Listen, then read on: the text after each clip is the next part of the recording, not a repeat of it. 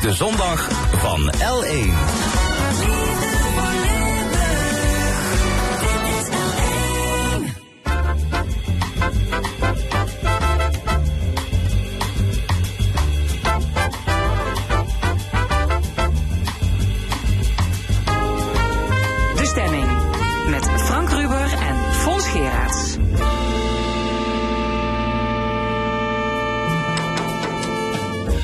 Welkom bij De Stemming, het interview- en discussieprogramma van L1 Radio. Met vandaag, de provinciale politiek moet de knoop doorhakken over Maastricht-Aken Airport.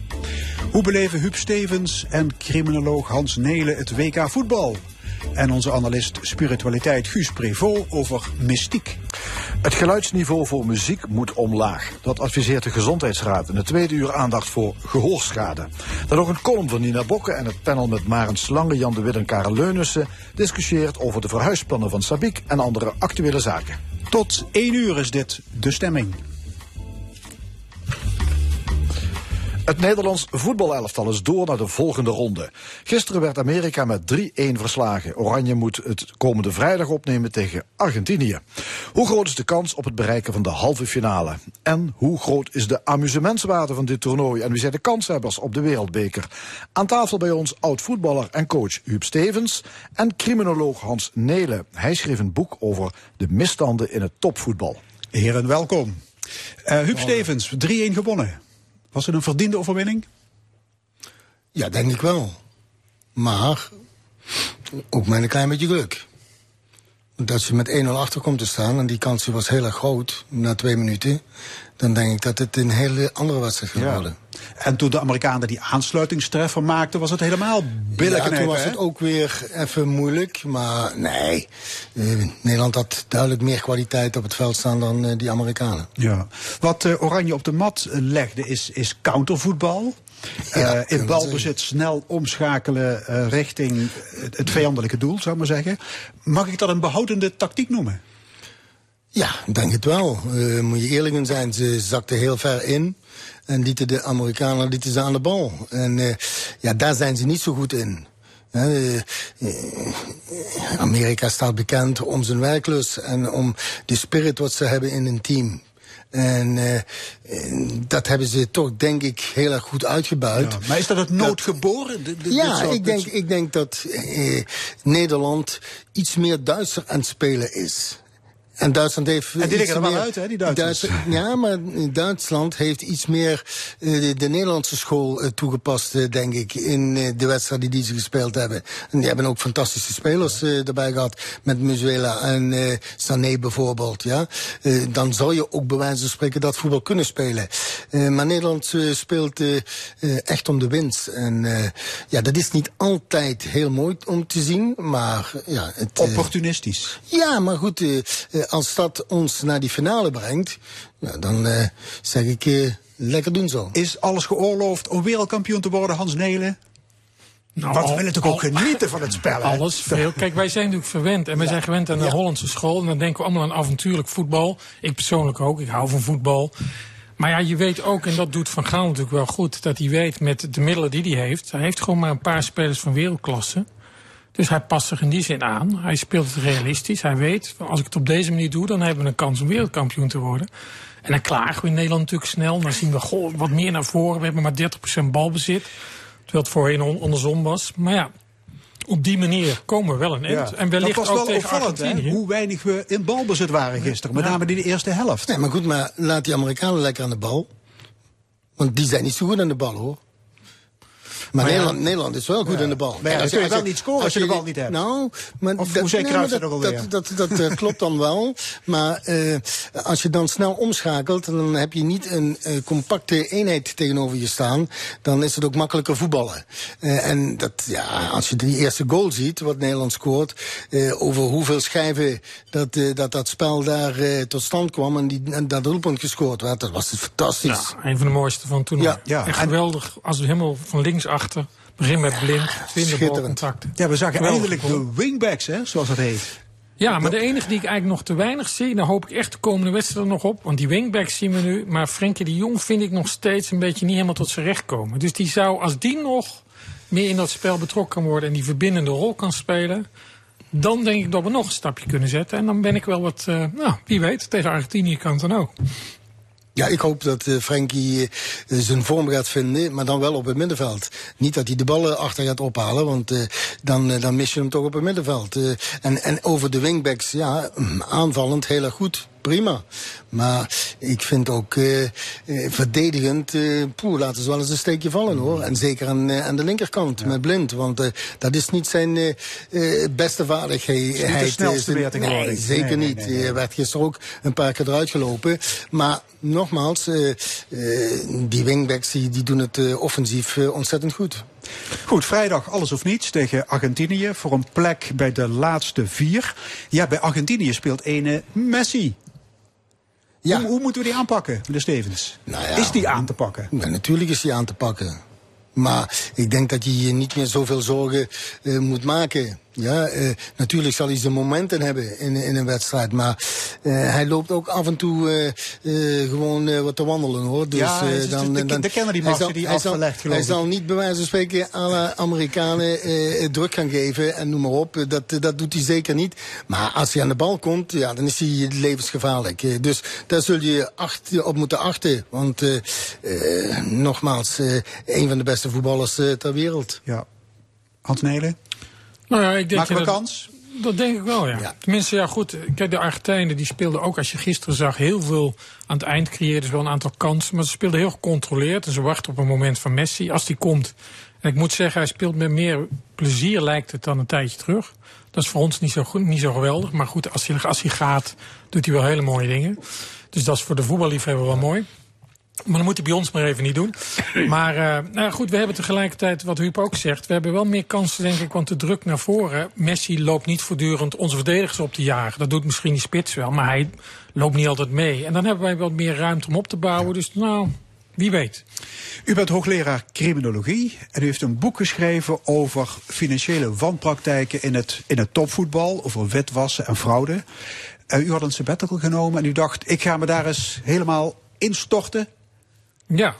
Ja, ik, ik bestudeer natuurlijk criminaliteit. En, uh, oh ja, normaal hoort u bezig met, met criminele motorbendes. Maar dit is andere koek. Precies. Dus mijn, mijn veld van expertise ligt op dat terrein. Georganiseerde misdaad. Maar ook criminaliteit gepleegd op bedrijven. De, nou, dus ik heb in dat opzicht al vele markten bestudeerd. Je noemt de outlaw motorcycle gangs, maar ik heb ook eens naar vastgoedfraudes en dat soort zaken gekeken. En nu had ik dat jaar vrij en ik dacht, ja, ik ben een enorme voetballiefhebber. Ik hou enorm van het spelletje, maar ik zie toch ook wel de donkere randjes de afgelopen jaren. Dat je toch wel steeds meer krijgt, jongen, jongen, jongen, wat, wat zie je voor uh, ja, uitwassen in die wereld en vooral in financiële zin. En vooral, we zetten de deur wagenwijs open. En dat vond ik ook een beetje de paradox. Als het gaat om bijvoorbeeld witwas en fraudebestrijding, zijn we altijd gericht op. Uh, nou ja, wij hebben de hele maatschappij eigenlijk verplicht van jongens, wees waakzaam, let op, meld als er gekke dingen gebeuren. En die hele voetballerij blijkt daar op de een of andere manier kijken we daar een beetje van weg. Hè. Als je het plaatje van mijn boek ziet, bevat eigenlijk twee dingen. Het boek heeft een beetje een gekke titel over. Het is in het Engels geschreven. Het is een niet bestaand Engels woord.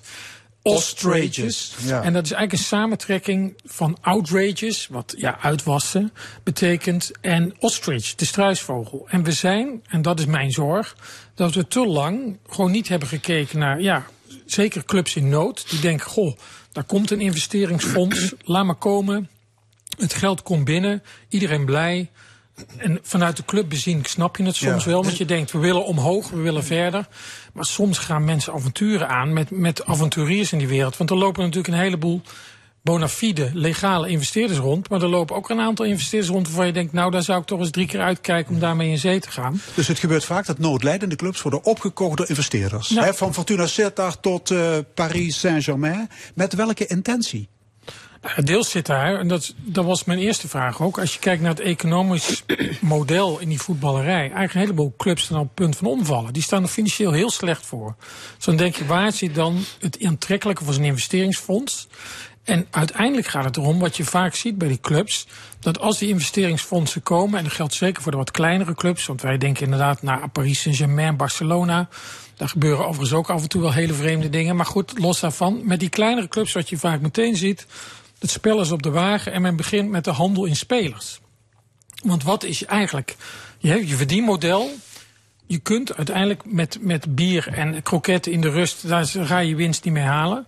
Dus je gaat aan de slag en je gaat veel mensen kopen, verkopen. En het spel wat dan is vaak heel moeilijk trouwens te doorgronden en transparant te krijgen hoe dat dan gaat. U, u stuitte op een, op een netwerk van club-eigenaren, investeerders, voetbalmakelaars.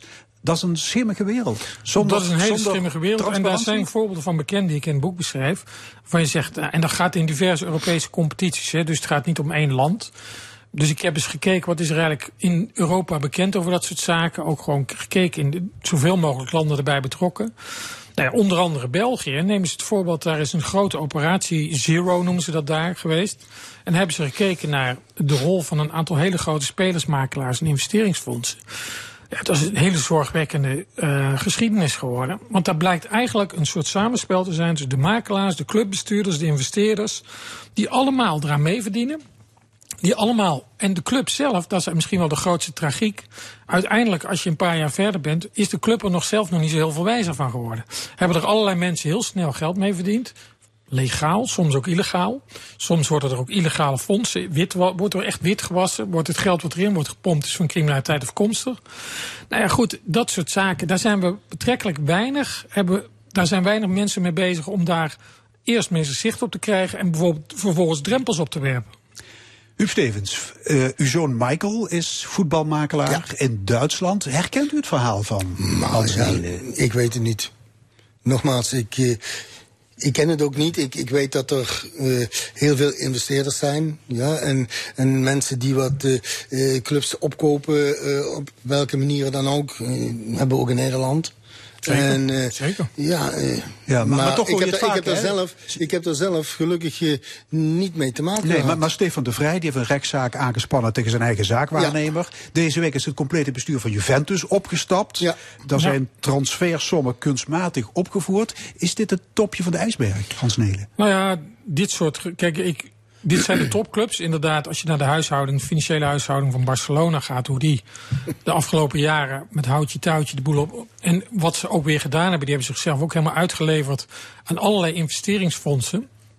Ik denk dat ze daar nog wel een hele hoge prijs voor gaan betalen over, over een x aantal jaren. Uh, maar goed, kijk, want wat je ziet in die wereld is dat de reguliere banken, dat is ook wel interessant om te zien, die willen eigenlijk geen zaken meer doen met, met de voetbalwereld. De Rabobank in Nederland heeft een paar jaar geleden gezegd, wij financieren die wereld niet meer. En waarom niet? We vertrouwen het niet. Te veel fraude, witwas, te on, veel onduidelijkheid, Hmm. te weinig transparant. We trekken onze handen ervan af. Met het gevolg dat je allerlei investeringsclubs hebt. Ook zaken, nou ja, de meer andere type banken, laat ik het zo zeggen. Die, zich, die naar voren komen in investeringsfondsen die dat gat vullen. En nogmaals, een deel daarvan heeft, is wel degelijk bona fide. Maar een deel daarvan, daarvan is het heel moeilijk te traceren. En soms als je de geldstroom een beetje kunt volgen, denk je ja. Waar komt dit nou weer allemaal vandaan? En hoe waakzaam zijn we dan? Willen we dat weten? Kijk, hier in de buurt, natuurlijk ook een aantal jaar geleden hadden we natuurlijk bij Roda. Ja. ook die hebben leergeld betaald. Korotayev. Die Ja. ineens opdook. En later die, die Spaanse mafketel, De La Vega. Nou ja, goed. Fortuna is in Turkse handen. Kijk, op zichzelf dat er mensen geïnteresseerd zijn in die wereld, dat is prima. Uh, dat ze het zien als een zaakobject. Want vaak wordt gezegd, ja, clubliefde, prachtig. Ja, oké, okay, daar heb ik zo mijn vraagtekens bij. ze zien het toch als een, als ja. een investeringsmodus. Oké, okay, prima.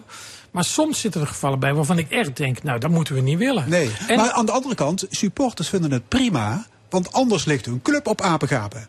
Voor een zo deel. simpel is het. Kijk, want een van de dingen die ik in het boek zeg, in veel gevallen is het zo. Maar wat ik wel mooi vond, is dat bij sommige clubs. Hè, uh, ik, ik herinner me een discussie bij Schalke, Huub. zijn, zijn, uh, zijn voorliefde zou ik zeggen. En, uh, maar ook recent in Nederland bij NAC Breda. Waar de discussie was van willen wij onderdeel worden van zo'n grote city group. Of willen wij toch, omdat veel fans toch ook zeggen... ja, maar die identiteit van onze club is ook een beetje in het geding. Mm -hmm. En ik doe eigenlijk ook een beetje een oproep. Zie in Engeland ook wel eens af en toe die discussie. Dat je zegt, leveren wij ons nou helemaal uit? Aan het groot kapitaal, aan de... Of zeggen we, nou ja goed, trekken we daar ook onze grens. En een aantal fans is inderdaad onverschillig. En die zal het alleen maar te doen zijn om we willen promoveren en kampioen worden. Maar een toenemend aantal fans zegt ook, nou we moeten toch een beetje waakzaam zijn. Goed, terug naar het WK in Qatar, waar ook op grote schaal is, is gesjoemeld en omgekocht. Uh, meneer Stevens, hoe groot of klein is de amusementswaarde tot nu toe? Nou, ik vind het fantastisch. Als je de verrassingen neemt, ja, dat onze buren bij wijze van spreken al naar huis zijn. Allebei de buren? Ja, natuurlijk. Eh, nee, maar eh, en, en meerdere grote landen die wat uh, al uh, weg zijn van, uh, van de WK. die verrassingen die zijn fantastisch, ja. voor, denk ik ook voor het grote publiek. Zijn er ook kleinere landen die u positief nou, hebben verrast? vind ik wel. Ik vind als, als je bepaalde spelers ook in kleinere landen ziet spelen, ja, fantastisch. Dus dat is, toch, is toch een goede ontwikkeling. Ja, Australië is net uitgeschakeld. Ja. Uh, de bondscoach is Graham Arnold, voormalig spits van Roda. Ja. Toen u trainer werd in 93, toen was hij net vertrokken. Ja, Ken, kent u hem persoonlijk? Ja, maar ik ken hem. Ik heb ook uh, diverse malen met uh, Graham gesproken over spelers of uh, hoe dan ook. Ja, het is wel een apart type. Heel, heel, nou, maar een, ja, een positieve gast. Ja. Hoe belangrijk is het werk van een coach op een WK? Ja, hoe belangrijk is het? Ja, ik denk dat het wel wat uitmaakt of je bij wijze van spreken de ervaring hebt uh, en hoe je met je spelers omgaat. Uh, ik denk dat dat, dat heel belangrijk is. Ja, als je bij wijze van spreken, zoals bepaalde landen, en dat zie je ook, ja, toch problemen zijn, uh, ja, dan is die coach toch gevraagd om daar ja, het zijn bijdrage aan ja. te leveren op een positieve manier. En ik denk dat je daar ook dan de ervaring uh, nodig hebt, die wat Van Gaal ook heeft. Ja? Uh, en je ziet Van Gaal ook bij wijze van spreken, uh, hoe die met zijn spelers omgaat. Ja, dat, dat is ja. echt heel erg positief hoor. Worden spelers niet overvoerd met tactische opdrachten? Nee.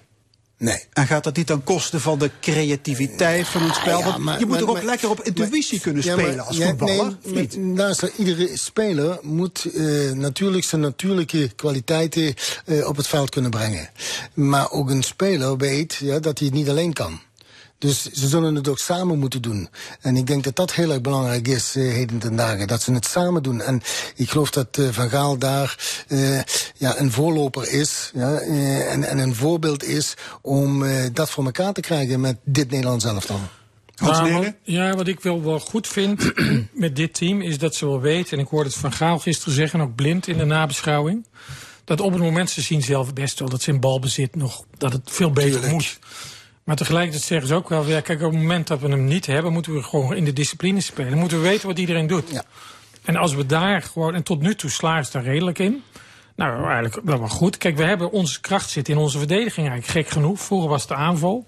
Maar nu hebben we daarachter gewoon een paar jongens staan waar we wel op kunnen bouwen. Dat, dat is het punt niet. Maar goed, nu moeten we aanvallend iets meer brengen. Nou ja. Wie staan er in de finale op 18 december? Oeh, nou ja, goed, ik zeg gewoon uh, Nederland, kom op. Japan, nou, Marokko? Ik denk, nou, ik denk uh, Brazilië en Frankrijk. Oké, okay. hartelijk dank voor dit gesprek. Huub Stevens en Hans Nelen. Komt er nog een Nederlandse vertaling van Ostriches? Nou, wie weet. Ik ga er misschien wel eens in het Nederlands inderdaad een kort, kortere versie ga ik wel eens van maken. Oké, okay, ja. dank jullie wel. Graag gedaan. Zometeen. Uh, Provinciale staten die moeten deze maand beslissen over de toekomst van Maastricht-Agen Airport. Bij ons aan, aan, tafel dadelijk de statenleden Kathleen Mertens van GroenLinks en Wouter Eipelaar van het CDA. Maar eerst Some Kind of Wonderful. Here's Joss Stone.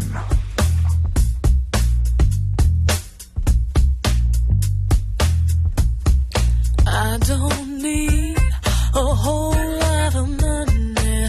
I don't need a big fine car. I got everything that a girl could want. I got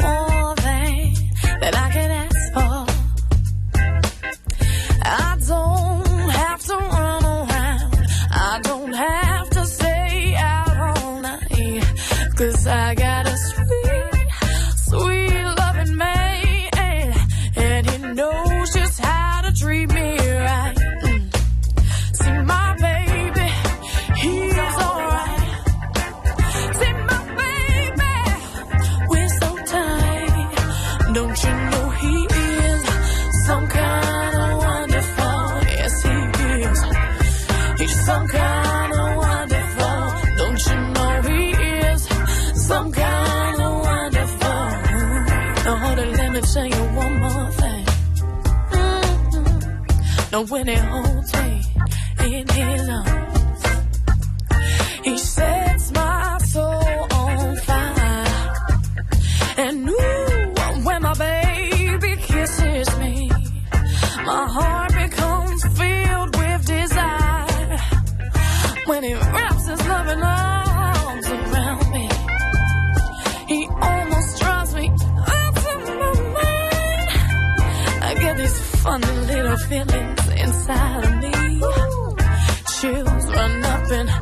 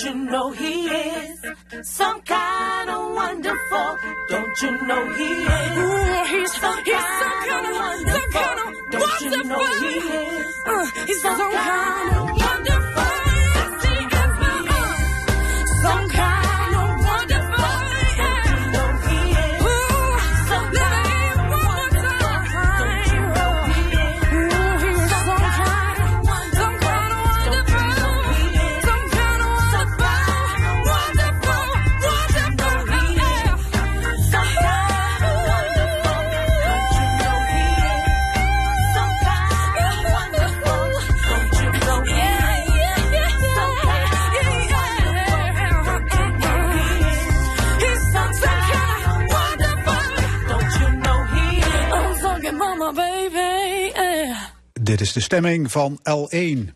De onduidelijkheid over Maastricht-Aachen Airport blijft nog even voortduren. Vrijdag hebben provinciale staten zeven uur lang gedebatteerd over de toekomst van het vliegveld. Gedeputeerde Satijn heeft de opdracht gekregen om geheime stukken te presenteren. Dat moet eh, snel gebeuren, want op 16 december moet de finale beslissing vallen. Aan tafel de statenleden Wouter Eipelaar van het CDA en Kathleen Mertens van GroenLinks. Welkom. Ja, enkele maanden geleden heeft een meerderheid van de Staten besloten dat Maastricht-Agen Airport open mag blijven als aan een aantal randvoorwaarden zou worden voldaan. Ja, blijkbaar ehm, is het vliegveld en de gedeputeerden daar niet in geslaagd, want anders hadden jullie geen zeven uur hoeven te debatteren. Er is veel onduidelijkheid nog. Kathleen Mertens. Ja, dat klopt. Uh, er is heel veel onduidelijkheid. En uh, wat ik vrijdag ook al zei, uh, we weten eigenlijk niet wat we kopen voor het geld wat we eraan uit gaan geven. Hè? Want wat we gaan doen is, we gaan een dikke 120 miljoen gaan we investeren in het vliegveld. en wat krijgen we daarvoor terug? We krijgen er eigenlijk vooral gewoon heel veel herrie voor terug. Heel veel overlast. Um, en de winst gaat, gaat elders naartoe. dat is sowieso zeker. Um, en ja, daar schieten we helemaal niks mee op. Um, ja. Ja. Wouter Eipelaar, CDA. Hoe kijkt u ernaar? Veel onduidelijkheid nog?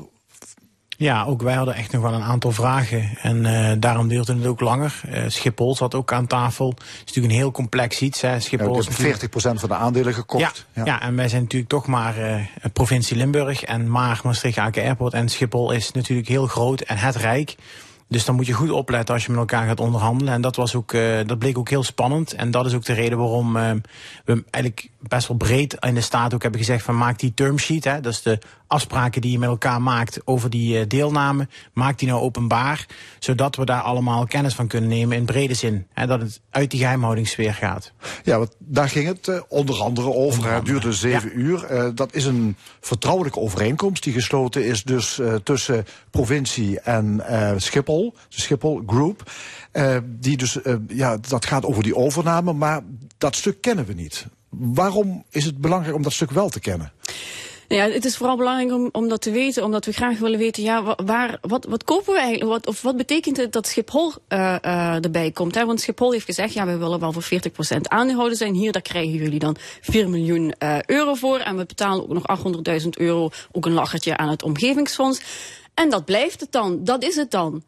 Ehm, terwijl eh, Schiphol dan op een gegeven moment wel met heel veel winst gaat lopen. Op het moment dat het wel, dat als het vliegtuig, als het vliegveld goed gaat draaien, hè, wat ik niet denk dat zal gebeuren, maar als het gaat gebeuren, dan gaat Schiphol dus wel met de winst lopen. Plus, dus wat er dan in die voorwaarden staat, ja, wat, wat, wat, zou er nog allemaal in kunnen staan? Er zou bijvoorbeeld dingen in kunnen staan van ja, wat als het niet goed gaat? Wat we dan zullen moeten doen? Of dan gaan moeten terugkopen en hoeveel geld dat het gaat moeten zijn? Of wat bijvoorbeeld, want dat heb ik eh, ook gevraagd. Ik heb namelijk gevraagd eh, aan de gedeputeerden van ja, wat stel nu ehm, dat we het aantal ernstig gehinderd niet omlaag gaan krijgen? Wat gaat er dan gebeuren?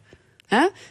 D- want dat is wel een van de voorwaarden die we gesteld hebben in het amendement dat aangenomen is op 3 juni.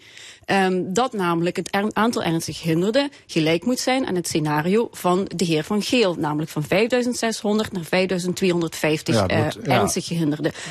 Eh, en dat is fors. Ja, de vraag is, wat en staat er in het plan of in ja, die wat staat er bijvoorbeeld in het plan op het moment dat het mislukt? Dat Ja. weten we niet. Ja, hoe kijkt u ernaar, eh meneer Eipenaar? Ja, ik ga u niet vertellen wat in die overeenkomst staat. Maar ja, dat is dus de vraag. En, ja. ehm, Ja, maar maar eh, het, is, het is van essentieel belang dat die overeenkomst boven tafel komt?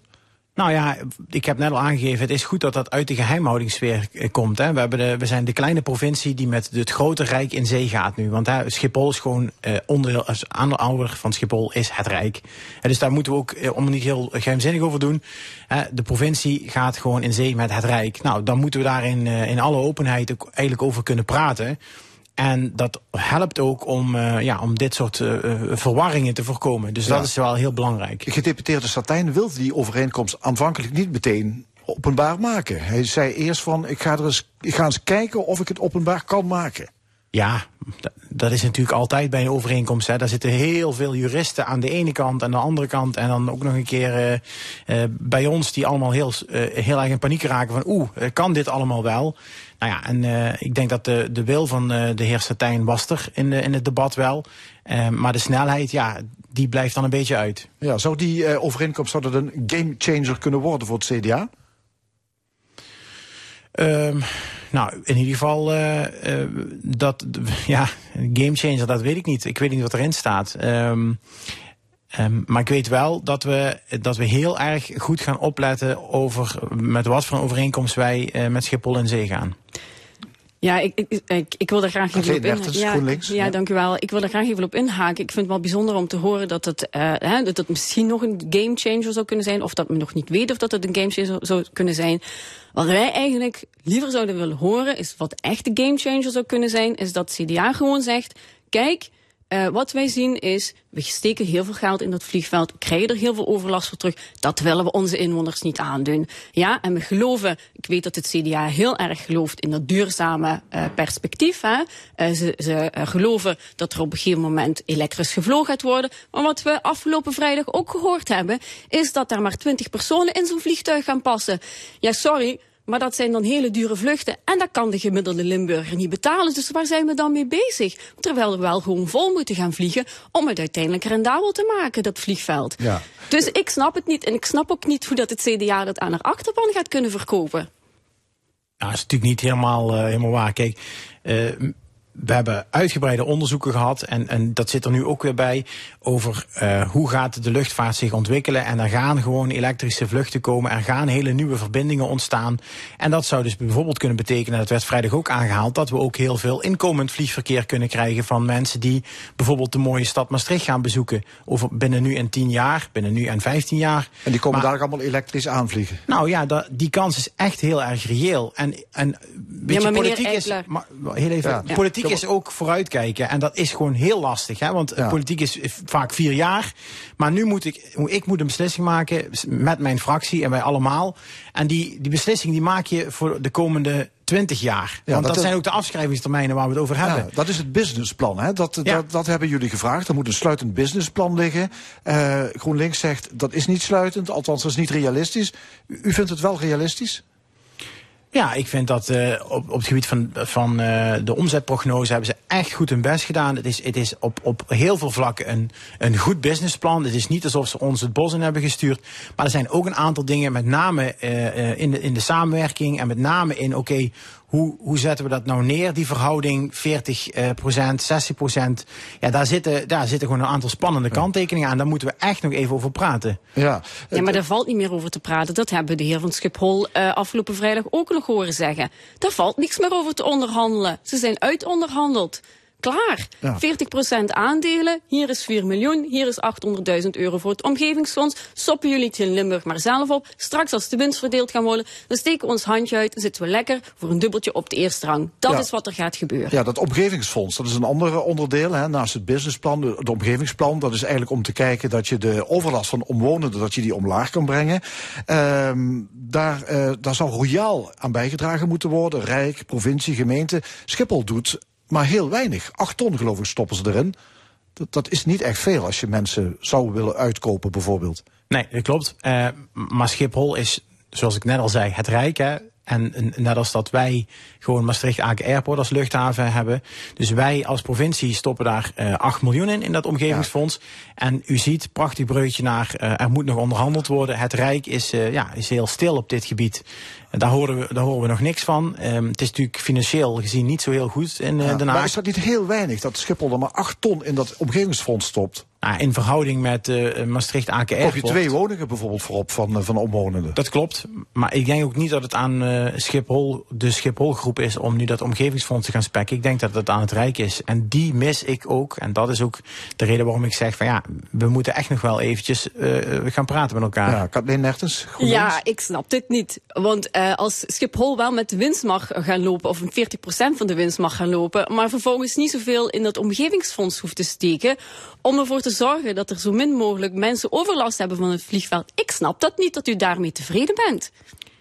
Maar Maastricht-Aken Airport stopt ook maar een paar ton erin. Hè? Dus de... Ja, wij als provincie, de belastingbetaler, dat is nog mooier. De belastingbetaler mag betalen voor haar eigen isolatie, mag betalen om zich laten uit te kopen. Dat is toch schandalig dat u dat, u, dat, u dat gelooft, dat u hen daarmee wil laten wegkomen. Maar nogmaals, we doen nu net alsof we het over vier verschillende partijen hebben. Maar het gaat eigenlijk maar om twee partijen. Is de ene overheid tegen de andere overheid. Daar gaat het om. En we hebben ook altijd gezegd, het is een basisinfrastructuur. In, uh, in Den Haag zeggen ze, het is belangrijker als ooit om dat netwerk van uh, regionale luchthavens te houden. Zeker gezien uh, de transitie die de luchtvaart gaat maken. En dat maakt dat als je dat, als je dat nationaal gaat roepen en als je dat ook nationaal vindt, dan vind ik ook dat daar nationaal iets voor terug mag komen. Oké, het was een hele lange zit vrijdag. Zeven uur hebben jullie, uh, geloof meer dan 100 vragen afgevuurd op uh, de gedeputeerden en op de Schiphol Group.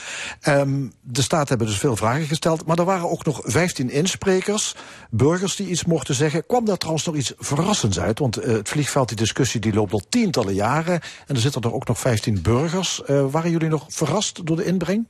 Ja, wat, wat me eigenlijk vooral ook verrast heeft, is dat er toch heel veel mensen weer opnieuw uh, uh, dus het, dat het bij heel veel mensen zo zwaar weegt, hè, dat ze zich toch de moed bij elkaar kunnen rapen om alweer aan ons te komen vertellen van doe dit nu alstublieft niet.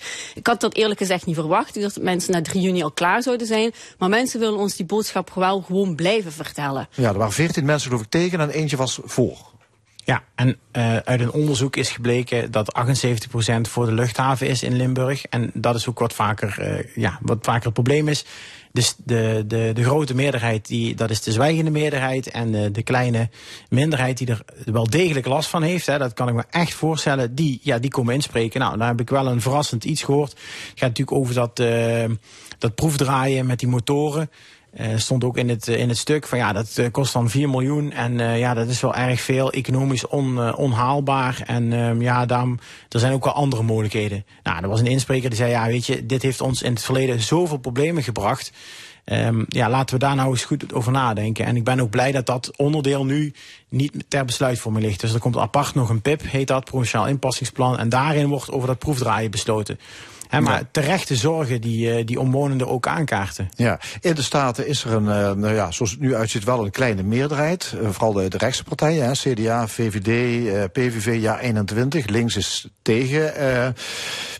Naast die politieke besluitvormer is er nog iets anders. Er lopen ook juridische procedures. Hoe groot is de kans dat dadelijk de politiek misschien instemt met voortzetting van het vliegtuig, vliegveld onder al die voorwaarden en dat het misschien juridisch straks helemaal niet mogelijk is om het vliegveld open te houden? Ja, die kans eh, die bestaat wel zeker. Uh, we mogen er zeker uh, verwachten dat Mobilization for the Environment een uh, procedure gaat aanspannen. Want we weten nog helemaal niet zeker hoe het zit met het stikstofverhaal. We hebben de, de aanvraag voor de natuurvergunning, die hebben we nog steeds niet gezien. dus we weten ook niet hoe die in elkaar steekt. we zullen ook waarschijnlijk wel, en dat verwacht ik ook wel, andere pro procedures kunnen gaan verwachten die gaan te maken hebben met geluidsoverlast. We gaan procedures kunnen verwachten met een, over een overheid die haar er inwoners in de steek laat die geen goede belangenafweging maakt. Die enerzijds die het economische belang voorop stelt ten opzichte van het beschermen van die inwoner die ook gewoon recht heeft op uh, een, een, een, een uh, een goede leefomgeving ja, om in te wonen. Ja, de provincie gaat er 100 miljoen, zou er dan 100 miljoen in moeten gaan stoppen. Ik geloof 70 miljoen is alleen al nodig voor die nieuwe baan. Dus stel dat geld wordt erin gestopt en het kan straks helemaal niet. Dan is het dus gewoon verdwenen. Meneer Eipelaar, CDA. Als, het is een investering, hè? dus uh, gedeeltes uh, gaat om subsidie. Dat zijn die NEDAP-kosten. Dat gaat overigens bij alle luchthavens zo. Hè? Dus er is in Europa geen enkele luchthaven die geen uh, overheidsfinanciering krijgt. Die helemaal zelfstandig draait. Um, dus dat geld, ja, ik, ik, denk dat we een aantal juridische procedures tegemoet zien, gaan zien komen. Zeker, hè? Dat, dat is ook voorspeld, dat staat op, op schema. Alleen de vraag is... Um, Kijk, wij, zijn, wij vliegen helemaal niet onze vergunning vol nu, onze huidige vergunning vol. Wij gaan zelfs zeggen van, ja, weet je, uh, we moeten minder doen, we moeten veel meer omgevingsbewust gaan doen.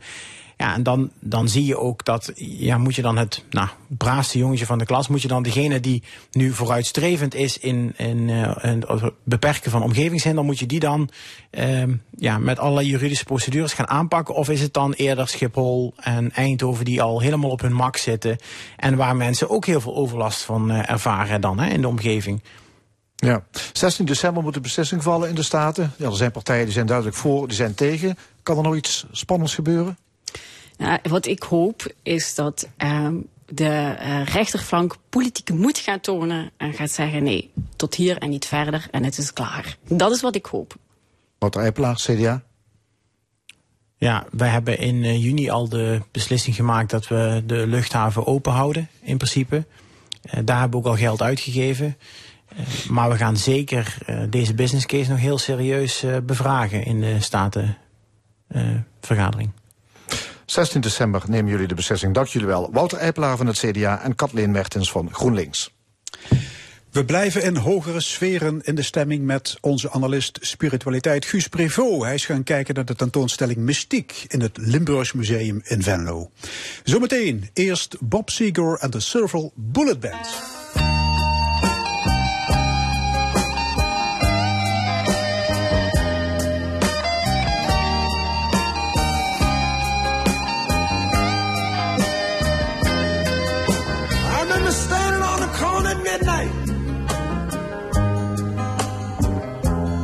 Trying to get my courage up.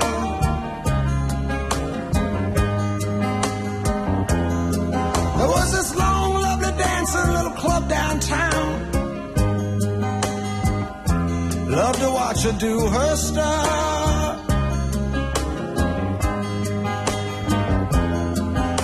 Through the long, lonely nights, she filled my sleep.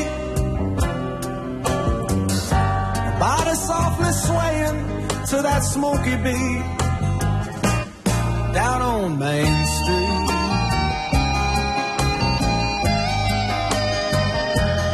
Down on Main Street. In the pool halls, the hustlers and the losers used to watch them through the glass.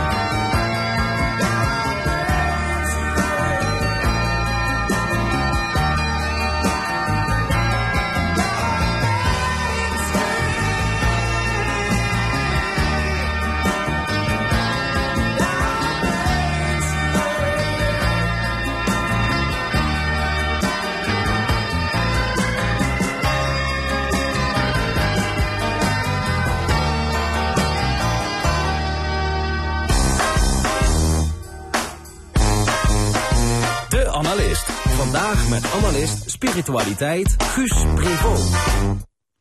Goedemorgen, Guus. Goedemorgen. Ehm, ja, jij bent naar Venlo geweest, naar het Limburgs Museum. Eh, vertel eens, wat heb je daar bezocht?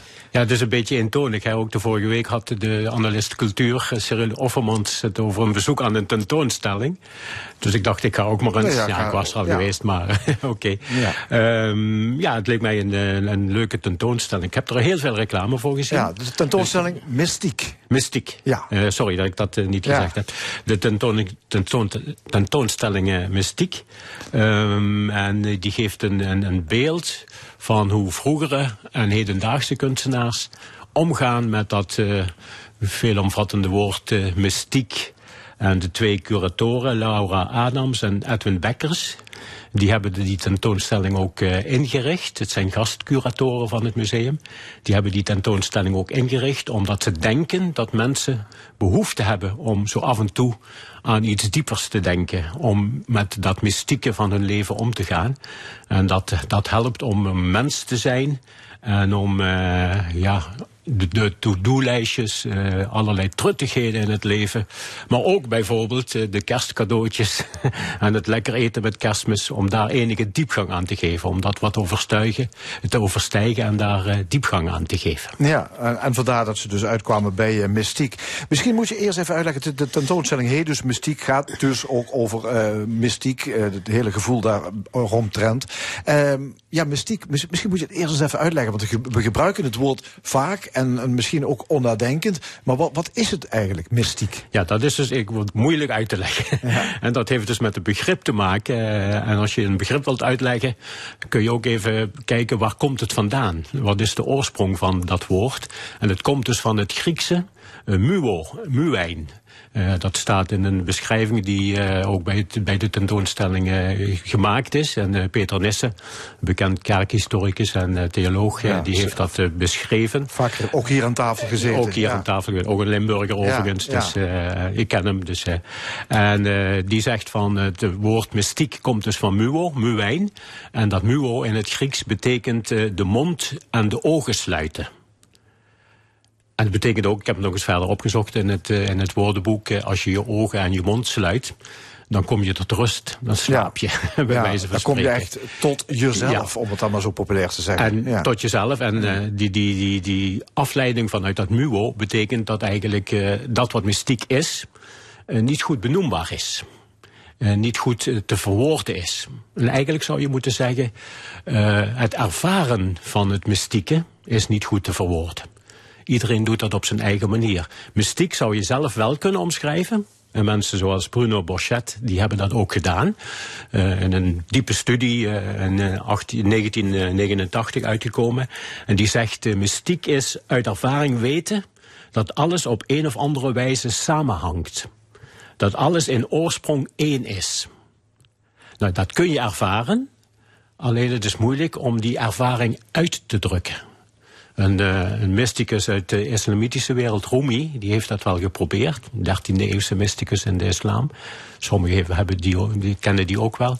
En die zegt, eh mystiek is ervaren dat je eigenlijk één druppel in een grote oceaan bent.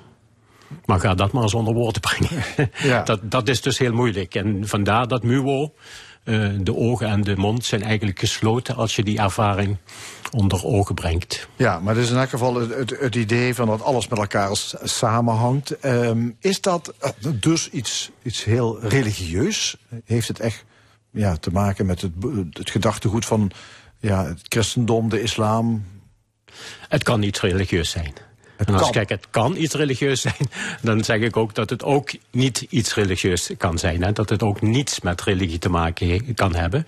En dat, daar is deze tentoonstelling eigenlijk wel een uitdrukking van. Dat heel veel kunstenaars op hun manier, eh, je zou ook kunnen zeggen, het is heel moeilijk te verwoorden wat mystiek is, wat zo'n mystieke ervaring is. Maar je zou er wel van kunnen getuigen, bijvoorbeeld in beeld. En die beelden die in die tentoonstelling zijn verzameld, getuigen op een of andere manier van hoe die kunstenaar met dat mystieke is omgegaan. Dus als, als beschouwer van die kunst eh, kun je dus ook zeggen dat eh, die kunstenaar met zijn kunst jou toegang geeft tot die wereld, tot die mystiek, tot die ge- mystieke gedachte. Dat hij, hij of zij dat wat hij ervaren heeft van eenheid probeert naar jou toe te bemiddelen, zodat je er iets aan hebt.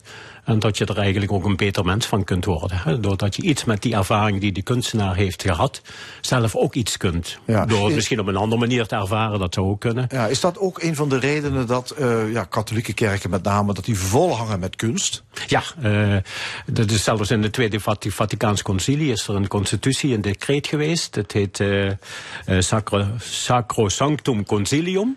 Waarin eh, de kerk dus heeft gezegd dat de kerkvaders die met het Tweede Vaticaanse Concilie daar bijeen waren in Rome, heel veel jaren geleden, in de jaren 60, hebben gezegd dat kunst eh, een zogenaamde mystagogische functie heeft. En mystagogisch is een heel moeilijk woord, eh, heel kort uitgelegd. Het kan inderdaad toeleiden tot het geheim van wat, wat, wat geloven, wat christendom, wat, wat God is. En daardoor jou een betere mens maken. En mijn mening is dat dat voor kerkelijke kunst geldt. Maar dat het ook voor niet-kerkelijke kunst geldt. Ook niet-kerkelijke kunst kan je toeleiden tot iets waardoor je een beter mens wordt. Oké. Nou ja, dat over mystiek. Eh, over wat is nou eigenlijk mystiek. Dan aan de tentoonstelling in het, eh, in het eh, Limburgs Museum in Venlo. Eh, ja, de tentoonstelling mystiek. Jij bent er geweest. Je hebt gezien. Wat, wat trof jou? Nou, alleen meteen bij je binnen, binnenkomen. De tentoonstelling is eh, onderverdeeld in drie eh, eh, ehm, zeg maar onderdelen aparte ruimtes. Rituelen, verstilling en extase. Dus dan weet de bezoeker al een beetje wat op hem, op hem afkomt. En als je meteen de rituelen binnenkomt, eh, tenminste mijn oog viel meteen op een gekruisigde aap. Een werk van Les Deux Garçons.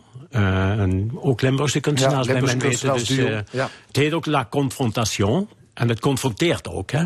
Er er zat weliswaar geen, geen kruisbeeld achter, maar de aap was duidelijk gekruisigd. En dat kan chockeren. Als je dat eh, met, met Christus vereenzelvigt en zo. Dan krijgen we nou een aap die gekruisigd is. Eh, maar de bedoeling is, wat de, de, garçons hebben, is om mensen ook inderdaad te confronteren. Eh, zijn we niet bezig met eh, onze natuur, waar we ook deel van uitmaken. Eh, het, het- het is ook een mystieke ervaring door als je in een bos wandelt, van ik, ik maak hier deel van uit. Ik maak deel uit van deze wereld, van deze natuur. En dit is de confrontatie, die zogenaamde taximetrie, die, die, die, die opgezette aap van eh, eh, zijn we niet bezig om onze natuur op te offeren aan onze economische belangen. We hadden dat straks hier over dat vliegveld.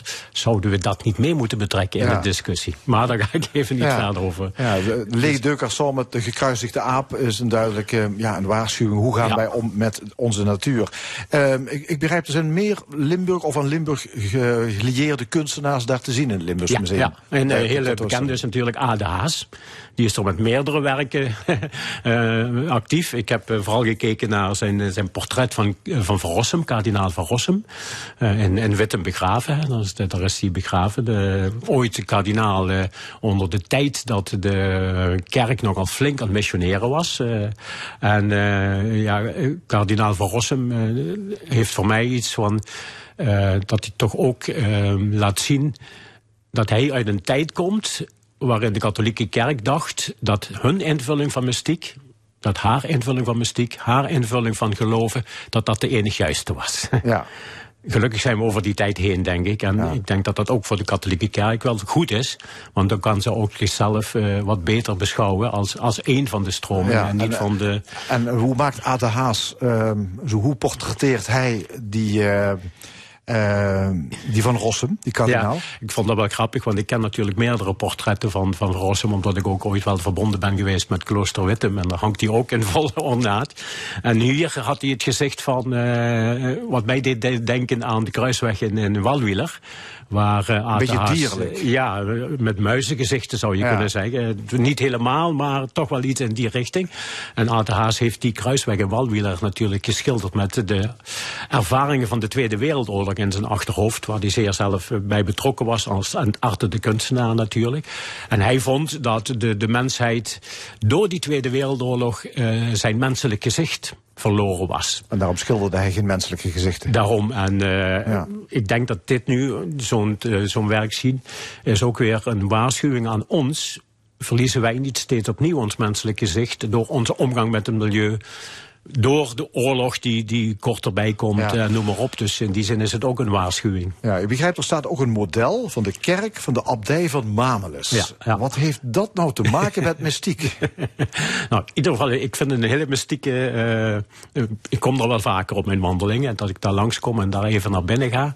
eh, nou, het verstilt. Want het is een heel sobere kerk. Maar het heeft vooral te maken met mystiek en de verhoudingen die Dom van der Laan, de architect daarvan, heeft gebruikt. Die verhouding is namelijk de gulden snede.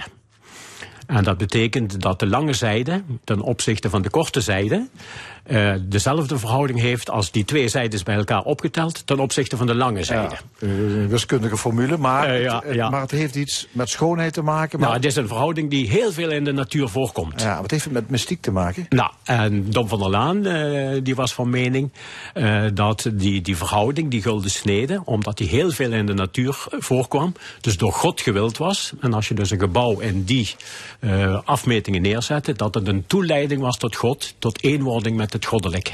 Dus mystiek. Ja, dus in die verstilling van die kerk kom je ja, dichter tot de hemel, zullen we maar Dat zeggen. was dus de achterliggende gedachte die Dom van der Laan in zijn architectuur probeerde uit te dragen. Ja, oké. Dat is nog veel meer te zien. Daar hebben we nu geen tijd meer voor, jammer. Maar is het een aanbeveling, de tentoonstelling? Ik vind het een hele grote aanbeveling. Ik had nog wat willen noemen over Hans op de Beek en zo. Maar helaas, eh, ik zou zeggen, ga kijken. Het is absoluut de moeite waard. Dankjewel, Guus Privot.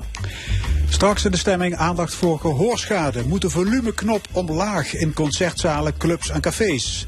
Verdere discussiepanel, de column en nog veel meer. Blijf luisteren. Tot zometeen.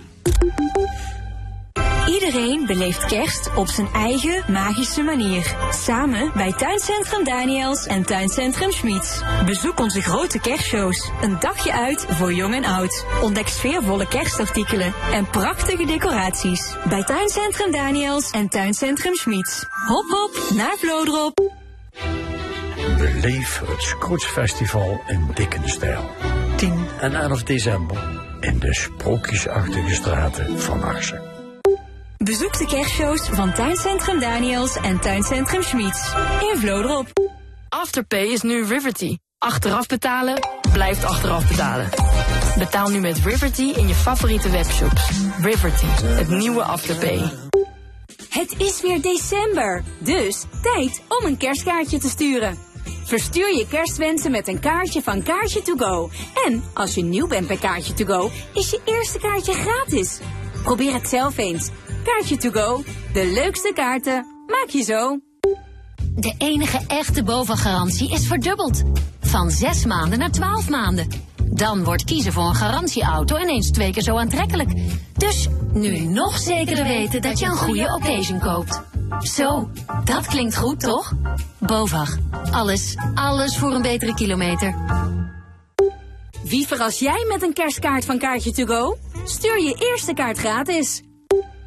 En die verdubbelde BOVAG-garantie geldt natuurlijk ook voor scooters en motoren. Niets houdt je dus tegen. BOVAG. Alles. Alles voor een betere kilometer. Het mooiste uitstapje met kerst? Dat is naar Maasmechelen Village. Daar geniet je nu al van kortingen tot wel 30% op de outletprijs bij aankoop vanaf twee stuks. Dit is L1 met het nieuws van 12 uur. Jelle Visser met het NOS-journaal. In Iran is de opheffing van de moraalpolitie aangekondigd. Dat heeft de procureur-generaal gezegd tegen een Iraans persbureau. De zogeheten moraal- en zedenpolitie is verantwoordelijk voor de handhaving van de strenge kledingvoorschriften voor Iraanse vrouwen. De handhavers kregen veel kritiek na de dood in september van de 22-jarige Masa Amini. Zij overleed nadat ze was opgepakt vanwege het niet goed bedekken van haar haar. Sindsdien zijn er heftige protesten in Iran. De sluier werd verplicht na de islamitische revolutie in Iran in 1979 om de cultuur van fatsoen te verspreiden. In Duitsland is dit jaar een record aantal geldautomaten opgeblazen. Zeker 450 meldt een Duitse krant. De meeste plofkraken werden gepleegd door Nederlanders. Nederlandse criminelen wijken uit naar Duitsland... omdat de geldautomaten daar minder beveiligd worden. In Nederland zijn ze vaak s'nachts gesloten... en wordt het geld bij een plofkraak automatisch onbruikbaar gemaakt. Bijvoorbeeld met lijm. In Duitsland wordt daar nu ook over gesproken. Indonesië heeft de alarmfase naar het hoogste niveau getild na een uitbarsting van de vulkaan Semeru op Oost-Java. De evacuatie van omwonenden is begonnen. Er zijn vooralsnog geen slachtoffers gemeld. De uitbarsting volgt op een reeks van aardbevingen op Java, waarbij honderden mensen om het leven zijn gekomen. Buitenlandse media reageren enthousiast nu het Nederlandse elftal de kwartfinales op het WK in Qatar heeft bereikt, door gisteren de VS met 3-1 te verslaan. De BBC spreekt over totaalvoetbal. De Zwitserse publieke omroep noemde Oranje een goed circuspaard dat zo hoog springt als nodig is. De Duitse krant Bild wijst op de bijzondere aanval die leidde tot de goal van Memphis Depay. 20 passes voor een goal, dat is voor Nederland een nieuw WK-record, al dus de krant. Het weer, het is bewolkt en koud. Er staat een koude noordoostenwind en vanmiddag is het rond de 2 graden. Vannacht kan in Limburg natte sneeuw vallen. Morgen overdag lichte regen of motregen. Het wordt dan 6 graden aan zee en maximaal 4 graden landinwaarts. Dit was het NOS Journaal. Op vakantie in eigen tuin? Dat kan bij Frisse Groentechniek. Het beste voor buiten. Maria Pinas was de koningin van de buurt. Stond ze niet in de keuken, dan stond ze voor iemand klaar. Er was altijd genoeg eten voor haar vier kinderen, maar meestal voor een heel weeshuis. Dus vertelde haar kinderen aan de uitvaartverzorger van Meride over de lekkernijen die bij haar uitvaart niet mochten ontbreken. Uiteraard voor twee weeshuizen, want iedereen was welkom. Wil je ook iemand het afscheid geven dat hij verdient? Ga dan naar meride.nl. Welke uitvaartverzekering je ook hebt. Meride.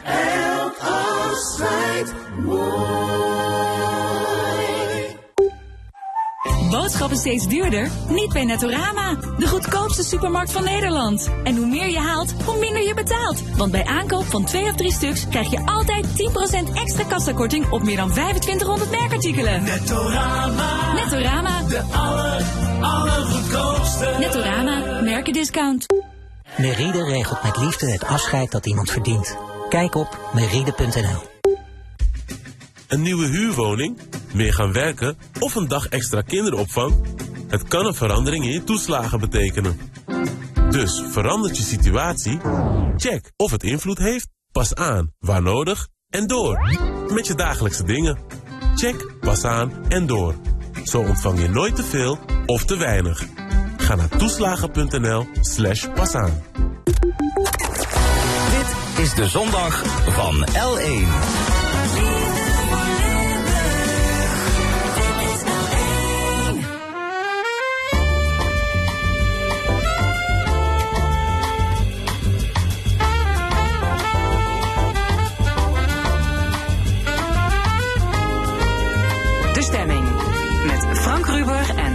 Geraerts. Opnieuw welkom bij de stemming. Wat hebben we in dit tweede en laatste uur nog allemaal in petto? Wel nu, straks het panel met Maren Slangen, Jan de Wit en Karen Leunissen. En zij discussiëren over het vertrek van het hoofdkantoor van Sabiek en andere actuele zaken. Een column van Nina Bokke, maar eerst gehoorschade. Dat is een toenemend probleem en daarom moet het zachter in zalen en clubs. Dat is het advies van de Gezondheidsraad, want hard geluid en lawaai kunnen tinnitus veroorzaken. In een deze week verschenen rapport wordt aanbevolen om het geluidsniveau van versterkte muziek te verlagen tot 100 decibel. En dat is de helft zachter dan nu. We gaan erover praten met Erwin George. Hij is klinisch fysicus audioloog in het MUMC Plus in Maastricht. En Carlo Habets, ook audioloog en leverancier van hoortoestellen. Heren, welkom. Eh, meneer George, u bent specialist in het ziekenhuis. Eh, het aantal mensen met gehoorklachten, neemt dat toe? Ja, we hebben wel die indruk. Eh, althans, meer, meer mensen melden zich bij ons.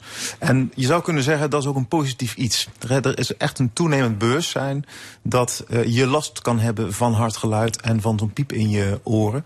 Tegelijkertijd is het zorgwekkend, niet per se omdat er steeds meer en harder geluid is, maar wel omdat er steeds meer mensen zijn die zich zorgen maken. En daar maak ik me dan weer zorgen Ja, over. maar is het dan zo dat mensen in de gaten hebben dat ze minder goed horen?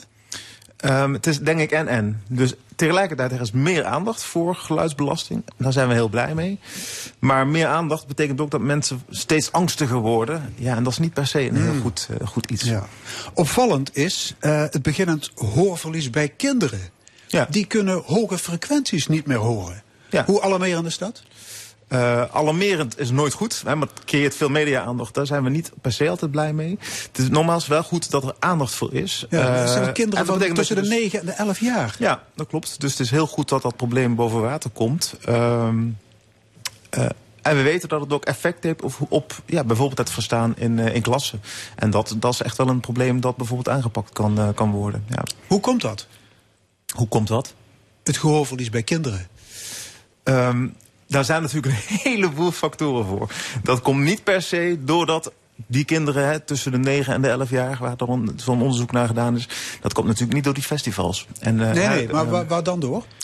Ehm, we- dat zou kunnen komen door lawaai in klassen. Ja, dat, dat is echt wel een onderbelicht probleem. Het gaat nu natuurlijk niet over dit rapport. Maar eh, het is heel goed dus dat, dat ook dat soort onzichtbare schade, onzichtbare klachten... Ja, in ieder geval boven water komen. Zonder dat je daar meteen alarm over hoeft te slaan. Ja, nog andere oorzaken voor kinderen? Eh, voor Carlo kinderen, ja, je, zou, je, zou, je, je hebt natuurlijk een populatie kinderen die sowieso door eh, oorontstekingen in, het, in de eerste jaren van hun eh, leven eh, een gehoorverlies hebben op, eh, opgeleverd. Die, die zijn er altijd geweest. Maar eh, ik denk dat het wel goed is dat er eh, überhaupt, eh, met betrekking tot dit hele thema, veel meer onderzoek en data boven water komen. Het is een ver- verdomd moeilijk te onderzoeken eh, eh, eh, materie, probleem, omdat je ook zeker eh, eh, te maken hebt bij, met, met, met andere oorzaken van slechthorendheid. En hoeverre speelt lawaai daar een rol in, is heel moeilijk te, te, te bepalen. Dus eh, dat, dat, dat geldt bijvoorbeeld voor mezelf. Eh, ik, heb, ik heb een gehoorverlies. eh eh, ben 58. Heb ook een, eh, een behoorlijk geluidshistorie achter de rug. Als muzikant, muziekliefhebber. Eh heb ook al 30 jaar tinnitus, maar kan er prima mee leven. Zoals gelukkig de grootste groep mensen, zeg ik er heel duidelijk bij. Eh, en, maar het is heel moeilijk te bepalen in hoeverre komt dit door simpelweg het ouder worden. Want vanaf ons twintigste begint ons gehoor eigenlijk al langzaam achteruit te gaan. Door eh bepaalde, goed, door dat- dat is- dat is altijd zo geweest. Dat Dat is dat altijd is zo nieuws. geweest, ja. En daarnaast, eh, en, en dat wordt in het rapport eigenlijk heel goed beschreven, kan er een stapeleffect ontstaan. Eh, door bijvoorbeeld lawaai kan het zijn dat je, dat je dus sneller slechthorend wordt dan anderen. Maar het is verdomde lastig om te bepalen in hoeverre welke factoren hierin nou de belangrijkste Ja, rol hebben als het gaat bepaald. om kinderen, die, die luisteren heel veel naar muziek. Met name via oortjes. Is dat een mogelijke oorzaak? Dat kan altijd. Hè. Als wetenschapper zeg je altijd, ja, er kan van alles meespelen. Eh, ik vind vooral dat kinderen, met name kinderen, heel veel plezier moeten maken. En moeten blijven genieten van alle Nee, geluiden maar om toch, ik Dus zou ook zeggen, van die oortjes. oortjes moet je niet, niet te hard Nee, ik zetten. En ouders zeker- moeten erop toezien dat ze niet te lang met die dingen... Nee, ik ben, ik ben daar niet per se voor. Te lang zeker niet. Zeker niet 24 uur per dag. Maar laten we vooral onze kinderen laten genieten van alle geluiden die er zijn. Maar te hard is te hard. Een andere bron van lawaai is eh, ja, de, de herrie in de clubs en in de popzalen. Hè. De maximumnorm is nu 103 decibel. De gezondheidsraad zegt dat moet terug naar 100. Mee eens, meneer George? Ja, dat is een, absoluut een hele mooie stap in de goede richting. Ja, van 103 naar 100 lijkt weinig, maar dat is een halvering, hè? Ja, en eh, geluidsdruk, ja, dat is met die decibellenschaal, dat is iets met wiskunde. Maar dan ga je het halveren. Het is niet zo dat daardoor de muziekbeleving heel veel slechter wordt. Hè? Dat je echt gaat merken van, oh, het is half zo zacht. Eh, het is vooral het een, eh, een halvering van eh, de eh Nou, maar lawaaibelasting. dat hoor je toch vaak zeggen, van live muziek moet je voelen. Ja. Dat is beleving. Broekspijpen moeten wapperen en je oren klapperen.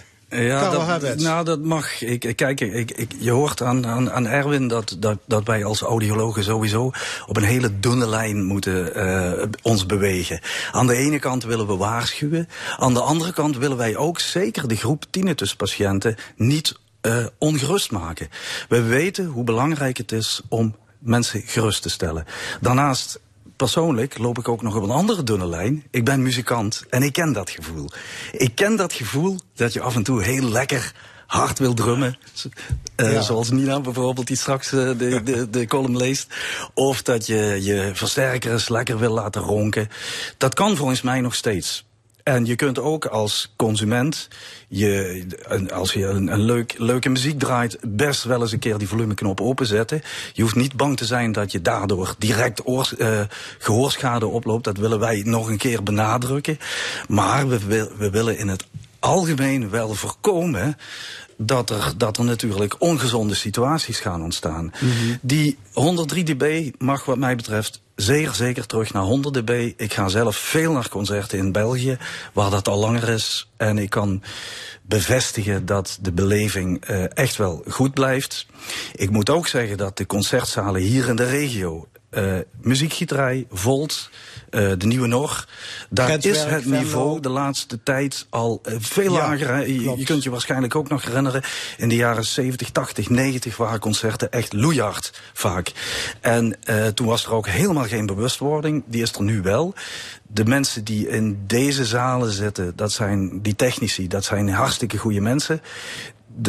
Ze, ze zorgen ook dat er, dat er genoeg dynamiek blijft, want dat is een voordeel. Hè.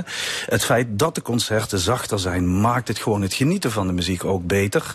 Ik zou er alleen heel graag bij willen zeggen, of heel graag bij eh, eh, willen hebben, dat ook wel een educatie, met name, hier, met name hier in Nederland, erbij komt. Dat men ook tijdens die concerten ook echt stil is. Want de Dutch Ja, disease wordt veel, is wel veel een, een probleem. hoor. precies. Ja. Ja. U zei er straks, ik heb zelf tinnitus, oftewel oorzuizen, al, al 30 jaar, zei u. Ja, hè? Hoe, hoe heeft u dat opgelopen? Nou ja, ik heb het op een bepaald. Ik ben, ik ben, groot, ik ben geboren in café. Ik ben mijn hele leven lang met muziek eh, bezig geweest. En ik kan me nog herinneren dat, dat ik een keertje. De hele dag was er in dat café muziek. Ik sliep ook s'avonds uh, meestal met, uh, met op de achtergrond muziek. En mijn ouders zijn op een bepaald moment begonnen om een dag in de week te sluiten. En toen hoorde ik uh, voor het eerst ook duidelijk uh, uh, oorsuizen. Dus je krijgt het niet alleen van te harde muziek, te hard geluid, maar ook de intensiteit. Uh, klopt. Ja, dus het is een combinatie. Als je het echt over geluidsbelasting gaat het over hoe hard het geluid is, maar ook hoe lang, hoe, hoe lang het duurt. Die combinatie en een heleboel andere dingen ja. maken dat je last krijgt van zo'n piep of suis. En hoort u dat geluid continu of ja. bij vlagen of alleen nee, s'nachts? Nee, ik heb of? altijd, altijd uh, oorsuizen. En, maar nogmaals, ik, kan er, ik heb er geen probleem mee. Zoals de grootste groep van uh, tinnituspatiënten. We, het is een beetje afhankelijk van hoe je tinnitus definieert. Maar we, we schatten dat ongeveer 1 op de 5 mensen tinnitus heeft. Overigens, oh, ja, ligt eraan. Uh, en daarvan heeft echter drie kwart van de mensen geen last ervan. Oké, okay, maar één op de vijf mensen heeft tinnitus? Het is maar net hoe je het definieert. Meestal zijn er één op de zeven. Echt een grote groep in Nederland. Dat is ook heel hoopvol, want je ziet dus dat het grootste deel van de mensen daar behoorlijk Juist. goed mee om kan gaan. Ja, en de, en de oorzaak is schade aan de trilhaartjes. Nee, de oorzaak is, uh, ik zeg meestal, er zijn het is een complex probleem. Het is niet zomaar van als je te hard muziek luistert, krijg je tinnitus. Waarom, is, het, waarom is het complex? Uh, het is complex, dat ga ik uitleggen. Uh, omdat, interessant genoeg, zijn de meeste mensen die tinnitus hebben, bijna allemaal, dat is de definitie, hebben een betekenisloos geluid. Een piep, een suis of een brom. Maar dat krijgt betekenis. Vergelijk het met getallen, als ik, dat doe ik wel eens. Uh, 12 is een heel neutraal getal. Uh, 634 ook. Maar zeg ik 43 of 43, krijgt dat plotseling betekenis voor sommige mensen. Hè, positief of negatief. Zeg ik 13, dan krijgt dat helemaal een betekenis. En dat hebben we door allerlei manieren geleerd. Kamer 13 slaap je liever niet in. Zo werkt dat ook met dat geluid. Zo'n piep kan plotseling, om wat voor reden dan ook... hé, hey, ik heb er last van. Dan, heb je dus, dat, dan levert het emoties op. En uh, die kunnen heel heftig zijn. En dat willen we ook herkennen. Hè? Dus, dus daar kun je echt heel fors... dat kan je leven danig verwoesten. Bestaat er een geneesmiddel tegen tinnitus? Uh, nee, dat is er niet. En tegelijkertijd komt dat er ook niet. In die zin, we, hoe meer we weten over zo'n tinnitus... hoe meer we ook zien dat het een complex probleem is. Hè? Met gehoor, met emoties, met ook lijfelijke klachten vaak. Tegelijkertijd er is wel heel veel aan te doen. Dus het is zeker niet hopeloos. Dus met um, therapie kun je de klachten verlichten? Ja, op gehoorgebied zijn er een aantal dingen die je kan doen. Uh, op emotioneel gebied, met therapieën, zijn er uh, echt bewezen effectieve resultaten. En ook op lijfelijk gebied uh, vooral heel, heel goed dat je een, een dokter ziet, hè, een arts ziet... die kijkt, ja, moet ik me echt zorgen maken. En meestal kan een KNO-arts je daarin heel goed geruststellen. Carlo Haberts, u zei er straks, ja, 1 op de 5 heeft tinnitus. Uh, meneer George, 1 op de 7. Ja. 75% heeft daar geen last van. Wordt er te veel drama over gemaakt? Wordt er te veel angst gecreëerd? Nou ja, nee, nee, nee uh, we, daar moeten we wel mee oppassen. Zeker in de communicatie over bijvoorbeeld dit rapport vind ik dat we heel voorzichtig moeten zijn. Bijvoorbeeld uh, de, dunne lijn waarop we lopen is echt, we willen waarschuwen, maar we willen ook mensen geruststellen. Een van de belangrijkste negatieve emoties die hoort bij mensen die last van tinnitus hebben, is angst. Dus we willen vooral geruststellen. Um, ik, ik wil er ook nog even bij zeggen dat, dat natuurlijk we hebben met een, vrij, een, een vreselijk vergrijzende bevolking te maken. Dus slechthorendheid en tinnitus zijn problemen die ook op, door de vergrijzing natuurlijk veel meer optreden. En laten we ook niet vergeten dat verbetering van het gehoor, zoals in mijn geval, zeer zeker een onderdeel kan zijn van het minder last krijgen van tinnitus. Uh, als uh, een van de dingen die, die ik ook nog eventjes wil zeggen over die communicatie, over dat rapport, is dat er um, in uh, programma's, in de media, bijvoorbeeld deze week op Op 1, maar ook gisteren een stuk in de NRC, worden er, als het over dit rapport gaat, worden er muzici bijgehaald. Ja. Dit is geen rapport wat gaat over beroepsmatige bloed, blootstelling. Het is natuurlijk zo dat het heel sexy is. Dat zijn wel de risicogroepen, denk ik, hè? Ja, nee, het is, ja, nee, nee. nou ja, de, de, het rapport gaat over... Uh, het gaat in feite over ons allemaal. Ja. ja. Dit gaat over het publiek. Hè. Iedereen ja, publiek. die met muziek te maken heeft, en dat zijn wij allemaal... Uh, moet zich bewust zijn van enerzijds de schadelijke gevolgen, maar ook het plezier. En anderzijds uh, geldt dat zeker niet alleen als je naar een feestje gaat, maar ook in thuissituaties en overal. Ja. dus geen angst. Uh, maar wel geruststelling en bewustwording. Ja, ik, ik denk namelijk dat het erbij halen van muzici, dat is heel sexy. Hè, de, de, de, de, al die verhalen van, van Barbara Streisand en, en Phil Collins en zo. Dat is natuurlijk, dat spreekt mensen aan. Maar ik denk wel dat je daarmee een beetje het beeld uh, vertekent. Uh, beroepsmuzici zijn, is een risicogroep. Ik, behand, ik begeleid en heb begeleid veel muzici. Dat is een groep die beroepsmatig een groot risico loopt. En die moeten met name heel bewust zijn van datzelfde stapeleffect... wat in dat, in dat rapport goed beschreven staat. En kunnen ook op, in een omgekeerde vorm door bijvoorbeeld vaak genoeg rust te nemen, uh, uh, niet te lang achter ja, elkaar. Dus het gaat, niet alleen, het gaat niet alleen om decibellen, maar ook om het aantal uren Precies. dat je in ja. de herrie zit. Ja. Dus rustmomenten innemen is, is heel belangrijk. U zei deze week tegen mij, tinnitusklachten hebben meer te maken met emotionele kwetsbaarheid dan met gehoorschade. Met andere woorden, het zit wel tussen de oren, maar dan in, in figuurlijke zin. Nou, tinnitus is een bijproduct van slechthorendheid. Het komt vooral veel voor bij mensen die een gehoorverlies hebben, maar ook bij mensen die geen gehoorverlies hebben. Maar wat we zien, en dat heeft Erwin eigenlijk net heel goed uh, beschreven, is dat, er, dat mensen die last gaan krijgen daarvan... hebben een negatieve emotie bij dat, bij dat, uh, bij dat fantoomgeluid... wat je in je hoofd hebt. En wat wij met therapie proberen te leren...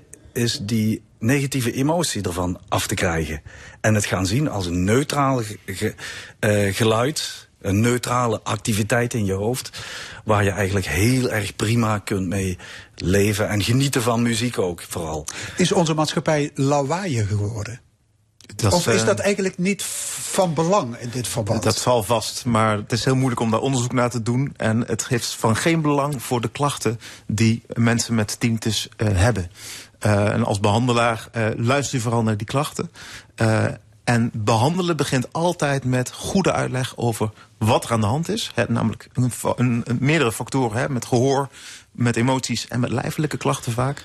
Ja. Als je dat inzicht eenmaal hebt, dan is het ook heel duidelijk... één, dat er geen simpele pil is... en twee, dat je op ieder van die vlakken... gehoor, emotie, lijf... wel degelijk een hele hoop kan, kan, doen. kan doen. Dus zoek vooral, als je er langer dan een, een maand last van hebt... zoek vooral hulp. Uh, het is zeker niet hopeloos. Gehoorverlies is ook erfelijk. He, 30 tot 50 procent van de mensen hoort slecht door erfelijkheid. Uh, dat klopt. Dus ook jongeren hebben soms een gehoorverlies. Tegelijkertijd, van de 50-plussers weten we dat eigenlijk 50% last zou moeten hebben van een gehoorverlies. Nou, dat is niet zo. Ze hebben wel een gehoorverlies, maar ze hebben er lang niet altijd last van. Nou ja, en, en ook dat is maatschappelijke bewustwording. eh, van, hé, hey, zouden we daar ook niet eens wat... eh, zouden dat onzichtbare probleem ook niet wat zichtbaarder moeten maken... door eh, bijvoorbeeld gewoon een kleurtje in je hoortoestellen te laten zetten. Hè? Blauw of rood raad ik altijd aan. Daar ligt ook een taboe op, hè? op het dragen van. Ja, en je ziet langzaam dat dat de afgelopen jaren wel, eh, eh, wel, wel verandert. Je ziet ook daarom dat Audi 6, hè, hoofdtoestelwinkels als paddenstoelen... Ja, Carlo Habets, je, je verkoopt die, die, die dingen. dus Ja, goed. natuurlijk. En, en kijk, ik, ik, ik zie natuurlijk ook... Ik, ik, ik zit al 35 jaar in die audiologische wereld. En ik zie ook dat... er- ik heb heel veel mensen gezien die ook veel te lang wachten. Eh, eh, als ze klachten hebben. Eh, verstaanbaarheidsproblemen, maar ook tinnitus bijvoorbeeld. Dat ze te lang wachten om er iets mee aan te, aan te doen. Dan komen ze bij eh, een behandelaar, een audicien of een audioloog. En dan blijkt dat eh, je, je moet eh, opnieuw leren horen met hoortoestellen. Je brein moet opnieuw leren allerlei geluiden te verwerken. En eh, hoe langer je dat uitstelt, hoe moeilijker dat het wordt. Je ziet ook dat met, met name mijn generatie, onze generatie, iets sneller die stap wel neemt dan generatie 20 jaar geleden, zeg maar. Gelukkig, zou ik Ja. zeggen. En, en dat, dat zeg ik niet alleen uit zakelijk oogpunt, maar ook gewoon omdat je mensen echt ziet dat ze daardoor veel beter aan zo'n hoortoestel kunnen wennen. Ja, goed, nog even terug naar dat advies van de Gezondheidsraad. Eh, het niveau in popzalen moet terug naar 100 decibel. Ehm, er wordt tot nu toe gewerkt met convenanten hè, tussen ministerie en popzalen. Moet er geen wetgeving komen? Dat is een politieke vraag. Ehm, ja, als leek zeg ik heel graag. Eh, je moet in ieder geval een manier verzinnen om het minder vrijblijvend te maken. Je ziet nu al de reacties vanuit de sector zijn van ja, goh, niet, wij zijn niet de enige die veel lawaai maken. Dus klopt, tegelijkertijd, we kunnen niet met onze gezondheid blijven betalen voor het economische gewin dat eh, een sector maakt. Daar ben ik toch heel scherp in. Dat geldt ook voor het vliegveld bijvoorbeeld. Eh, Economisch gewin is fantastisch, maar we moeten erkennen dat er gezondheidsschade is. Ehm, en ja, daar heb je als overheid een taak in. En of dat dan eh, in het Rijk moet, in, de wetgeving... of dat je bijvoorbeeld dat richting gemeentes eh, doorkopt... In het vergunningenbeleid. eh, ja, daar moet het ministerie maar iets voor vinden. Ja. Ik wil daar als kanttekening wel aan toevoegen dat ik. dat het is natuurlijk een, laten we zeggen, makkelijk slachtoffer, een concertzaal. Je kunt daar als wetgever ingrijpen. Maar waar ik eh, vooral ook veel problemen zie, is in de privésfeer. Privéfeestjes. Vrijdagavond heb ik nog een feestje gehoord in de buurt. Een kinderfeestje. Wat de bassen tot aan de overkant van de straat trilden. Eh, in cafés, in eh, sportkantines. Eh, daar zie je soms DJ's blazen, echt. En eh, daar is geen enkele wetgeving.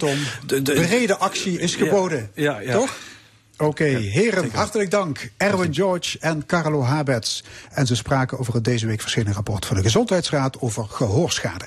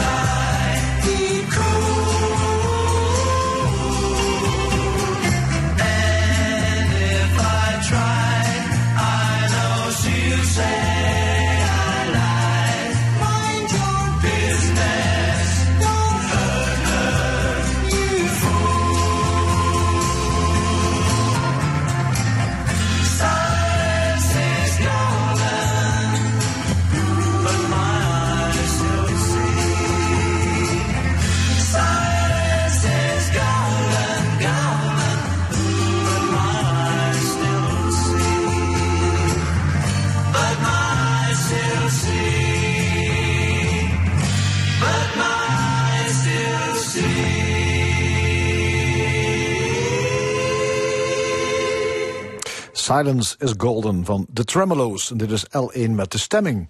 Na half 1, zometeen dus, discussieert het panel over de verplaatsing van het hoofdkantoor van Sabiek naar Amsterdam. De oranje succes, WK voetbal en andere zaken. Maar eerst... De column. Vandaag met Nina Bokken. Ik ben muziekliefhebber en luister al jaren naar harde muziek. Vroeger op mijn Walkman, waarbij mijn koptelefoon zo hard stond dat er een keer iemand in de treincoupé naar me toe kwam om te vragen of het wat zachter kon. Ironisch, een koptelefoon gebruik je om anderen minder overlast te bezorgen, maar uiteindelijk leidde het juist tot meer. Later ging ik drummen. Oordopjes waren niet punk en bovendien duur, dus stopte ik wc-papier in mijn oren. Het werkt voor dat moment, maar uiteindelijk leidt het tot gehoorschade. De constante pieptoon die ik hoor is er eigenlijk al zolang ik me kan herinneren, dus dat scheelt. Pas als ik het erover heb, hoor ik hem. Het heeft nadelen, maar ook voordelen. Medische aandoeningen zijn goed strategisch inzetbaar om verantwoordelijkheid te ontlopen. Sommige politici doen dat met geheugenverlies. Ik heb daar geen actieve herinnering meer aan. Ik met lichte doofheid. Dat heb ik nooit gehoord. De Gezondheidsraad vindt nu dat er een geluidsbeperking op versterkte muziek moet komen vanwege risico op gehoorschade. Ja, ik moet zeggen dat ik soms ook bij concerten sta waarbij ik de helft niet kan horen. Niet omdat ik tinnitus heb, maar omdat ik oordoppen moet gebruiken om te kunnen luisteren. Curieus eigenlijk dat je geluidsbeperkende middelen nodig hebt om muziek te kunnen aanhoren. Dat lijkt me het omgekeerde van wat we ermee hadden bedoeld. Ik moest meteen denken aan het Ruimte voor Ruimte project, waarbij landbouwstallen werden gesloopt en verkocht voor bouwkavels. Het beoogde milieuwinst bleef uit. Er kwam minder natuur en er waren uiteindelijk juist meer varkens in Limburg dan voor het project begon. Gemlot krijgt straks 58,5 miljoen subsidie om te vergroenen. Het grootste industriecomplex van NL mag ondertussen nog steeds 14.000 kilo microplastics lozen in de Maas. Daar hebben ze gewoon een vergunning voor. Ook worden er stoffen geloosd waarvan al duidelijk is dat ze giftig zijn of waarvan dat helemaal niet is onderzocht. CDA Limburg, eh, ik bedoel Waterschap Limburg, vindt het geen probleem. De provincie en het Rijk ook niet. Terwijl er volgens experts technieken bestaan waarmee je dat allemaal uit het water kunt filteren. Moet je daar dan misschien niet eerst mee beginnen? Of kost die techniek 58,5 miljoen? Ondertussen mag je in Maastricht, ook als je op 10 vierkante meter woont, maar één keer per twee weken de vuilniszak buiten zetten. En oh wee, als je dat een, dag te vroeg doet. Je moet in die gemeente ook over zeer ontwikkelde sorteerperonvaardigheden beschikken om niet je vingers te kneuzen bij het naar binnen wurmen van je oud papier door de hufterproef gemaakte gleuf. Maar kijk niet op als je in een nabijgelegen natuurgebied een keer struikelt over een stuk stekkerdoos of PVC-buis. Op diverse plekken in Limburg wordt er namelijk vervuild menggranulaat gebruikt om wandelpaden te verstevigen. Mede mogelijk gemaakt door, jawel, natuurmonumenten en staatsbosbeheer. Een deel daarvan spoelt as we speak bij regenval zo onze beken en rivieren in om over een paar jaar tot de constatering te komen dat de kwaliteit van het drinkwater en milieu in gevaar is, waarna er weer een paar miljoen vergroeningssubsidie tegenaan wordt gegooid. Zo zie je maar, het opzetten van een circulair systeem is helemaal niet zo moeilijk, zolang het maar nergens toe leidt. Dingen die oorspronkelijk waren bedoeld om onze welvaart te bevorderen, gaan tegenwoordig dus ten koste van onze welvaart. Zeker als in dat hele begrip het fundament volksgezondheid wordt weggestreept. Met één voordeel een medische aandoening kun je altijd nog inzetten om verantwoordelijkheid te ontlopen. De zwanenzang van columnist Nina Bokken. Dit was haar aller, allerlaatste. Nina, dankjewel. Laatste onderdeel van de stemming is het discussiepanel. Drie wel ingelichte opiniemakers bespreken het nieuws van de week. Aan tafel PvdA-raadslid Maren Slange, ex-SP-Kamerlid Jan de Wit en voormalig CDA Limburg-voorzitter Karel Leunissen. Welkom alle drie. Ehm, chemieconcern Sabic gaat verkassen met het hoofdkantoor. Het iconische gebouw aan de rand van Sittard wordt verruild voor een kantoor aan de Zuidas in Amsterdam. Ja, begrijpen jullie de beslissing van uh, Sabic? Ja, volgens mij uh, betekent dat dat je je moet uh, verdiepen in, uh, in wat Sabiek doet, wie er achter Sabiek ja. zit en um, waarom ze op een bepaalde plek zouden willen zitten met hun kantoor. En als je nu kijkt naar de nieuwsberichten, dan is het volgens mij zo dat de helft van de medewerkers mag hier in de regio blijven, hè, naar een, een nieuw kantoor in, in Geleen of in ieder geval in de omgeving. En de andere helft moet mee naar, naar wat ik vermoed de Zuidas zal, zal zijn. Um, wat ik daar wel interessant aan vind, is dat je eigenlijk vanuit medewerkers zelf al langere tijd hoort van nou, wij willen dat echt niet. Uh, dat is ook een reden geweest om het eerder niet te doen. Uh, dus ik ben heel benieuwd wat die, uh, wat die medewerkers eventueel heeft overtuigd om het nu wel te willen. Of dat ze het gewoon nog steeds niet willen en dat het toch druk van bovenaf is. En uh, ja, in beide gevallen vind ik het toch wel erg jammer voor de regio. Ja. Maar ja, de vraag is, is, is het te begrijpen vanuit het systeem? Ja, dat snap ik. Ik denk het wel. En kijk, het is natuurlijk toch zo. Ik heb in de Eerste Kamer gezeten en dat was vrij snel duidelijk. De place to be, hè, waar het spel gespeeld wordt, is toch echt de Randstad, het Westen. Dus dat zij daar naartoe willen met een petrochemische industrie, dat lijkt me toch logisch. Uh, CO2-beprijzing, energietransitie, stikstofuitstoot, milieuwetgeving wordt aangescherpt. Dat zijn allemaal dingen die voor hen spelen. En dan moet, en, dan moet je gewoon... En dan moet je gewoon dicht bij het vuur zitten, dicht ja. bij, bij de mensen die daarover besluiten nemen. Dus dat kan ik wel begrijpen. Van de andere kant begrijp ik het ook wel niet. Want wat Marit net zei, die 50% van die werknemers nemen ze mee naar de Zuidas, Amsterdam. Nou, dat is een gigantische verandering voor die mensen, cultureel gezien, maar ook financieel gezien. Ja.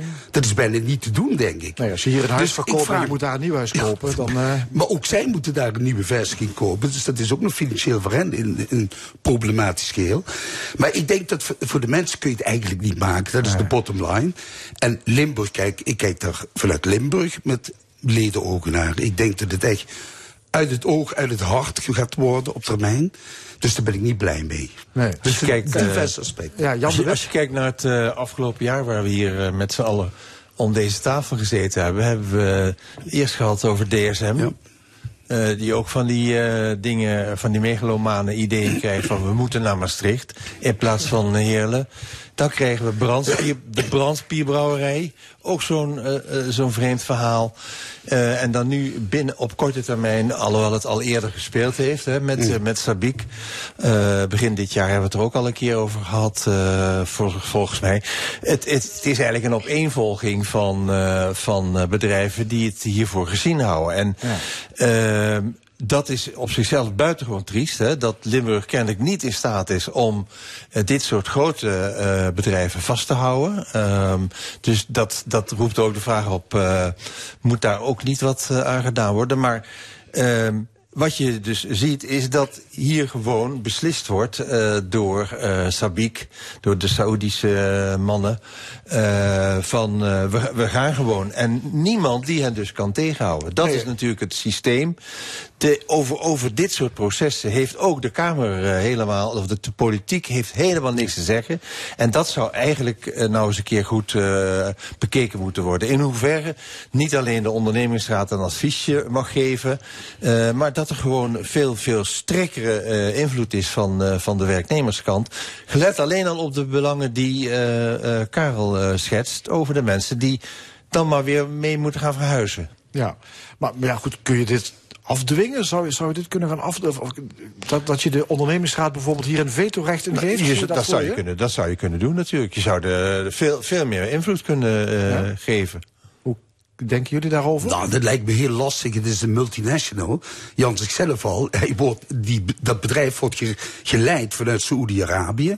Een hele aparte cultuur is dat natuurlijk. En dat vertaalt zich ook in de wijze waarop men communiceert met de werknemers. Kijk, normaal gesproken zou zo'n bedrijf dat in de week moeten leggen en dat moeten bespreken. En al masserende dat, dat uh, besluitvaardigheid zou moeten bevorderen om, om dat daadwerkelijk de besluit te nemen. Gebeurt nu niet.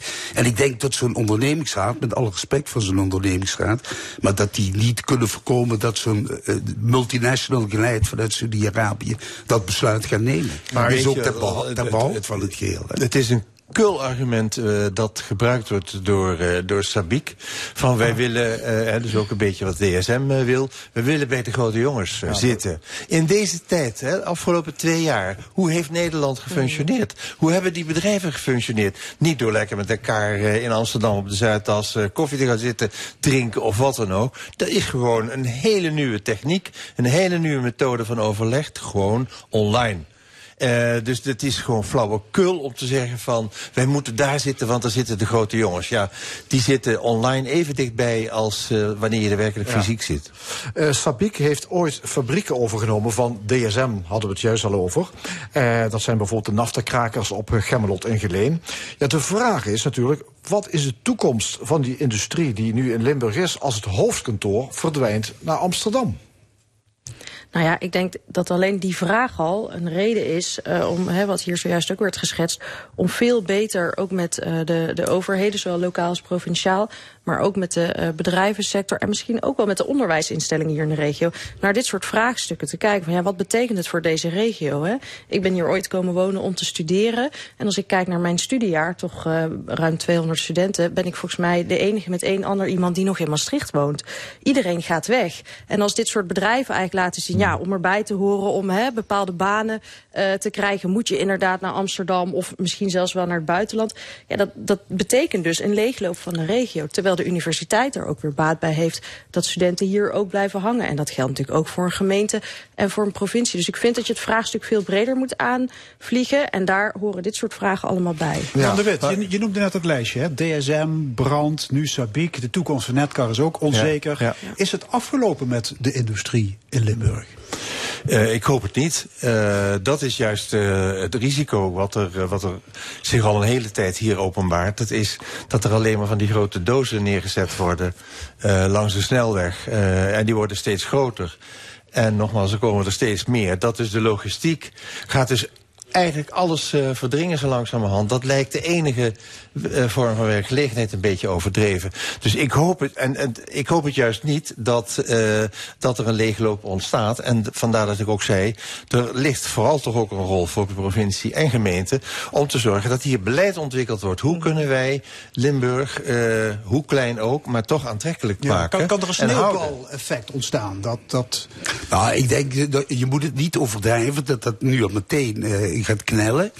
Uh, vroeg net hoe gaat het met de bedrijven die voor, uh, voorzien worden van grondstoffen of activiteiten die door Sabiek worden ondernomen. Die blijven natuurlijk bestaan. Want dat is de business van Sabiek om grondstoffen te leveren voor andere bedrijven op Gemmelot. En dat willen ze het hangt allemaal met elkaar staan, samen. Dat hangt allemaal met elkaar samen. Sabiek speelde al met het idee om een van die twee naftakrakers ja, om die te gaan sluiten. Maar dat blijkt de modernisering van één naftakraker en afbouw van die oude naftakraker, dat lijkt blijkbaar bedrijfsmatig een verantwoorde keuze te zijn. Ja. Maar het zal niet moeten leiden tot een afname van de productie van de grondstoffen voor de andere bedrijven. Want destijds ja. biedt zich ook in een, ei, in een eigen vlees. Ja, maar ja, goed, hoe, hoe is als die je, kans... kijkt, als, je kijkt naar, als je kijkt naar wat uh, Radix, Luc Radix, dus de baas van Gemlot zegt. Ja, die, die Sabiek kan dat wel roepen, uh, dat ze willen vertrekken. Maar dat kan niet zomaar. Omdat, omdat Sittard Geleen is het knooppunt van alles uh, aan, wat er aan leidingen in Nederland zo'n ja, beetje ja. ligt. En alle belangrijke stoffen die komen daar kennelijk via Sittard uh, binnen. Dus Sabiek kan wel vertrekken wat het hoofdkantoor ja. betreft. Maar in essentie denk ik, tenzij ze echt heel veel geld zouden willen investeren in een, in een nieuwe uh, soort gelijke leidingennet elders.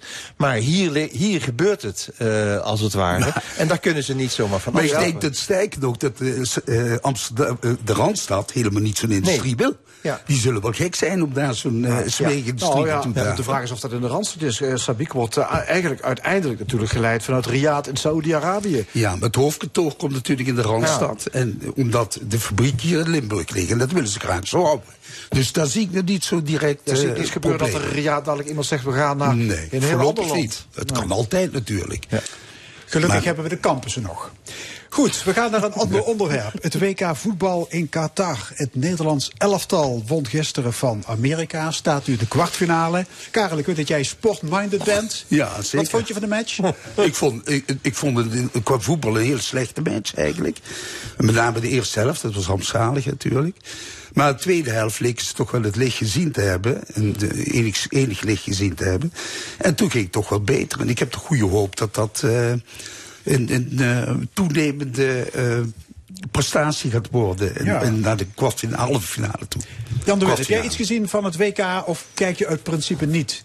Ik heb wel gekeken. Bij ons op de achtergrond speelt uh, dat onze dochter met haar man in Amerika wonen. Dus we moeten alleen al daarom uh, voor Nederland uh, zijn. um, maar um, ja, ik heb er inderdaad naar gekeken. Um, ik heb er niet zoveel verstand van dat ik durf te zeggen van ik vind dit of dat. Ik vond dat ze wel aardig voetbal. Ik heb vooral de tweede helft gezien. Dat ze wel aardig gevoetbald hebben. Maar je hebt het liever over sport dan politiek.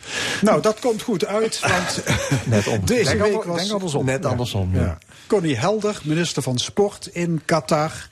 Uh, ondanks een aangenomen Tweede Kamermotie om niemand van de regering af te vaardigen. Jan, je hebt hier in de stemming al eerder je gal gespuwd over het feit dat de wens van de Tweede Kamer wordt ja. genegeerd. Nog steeds kwaad daarover? Ja, ik, en, je, en je ziet ook wel waar dat uh, vreemde beleid van dit kabinet gewoon toe leidt. Hebben ze die arme mevrouw daar naartoe gestuurd. Uh, die had een grote sjaal om. Waarop stond never mind. Dus met andere woorden, wat kan mij het allemaal schelen?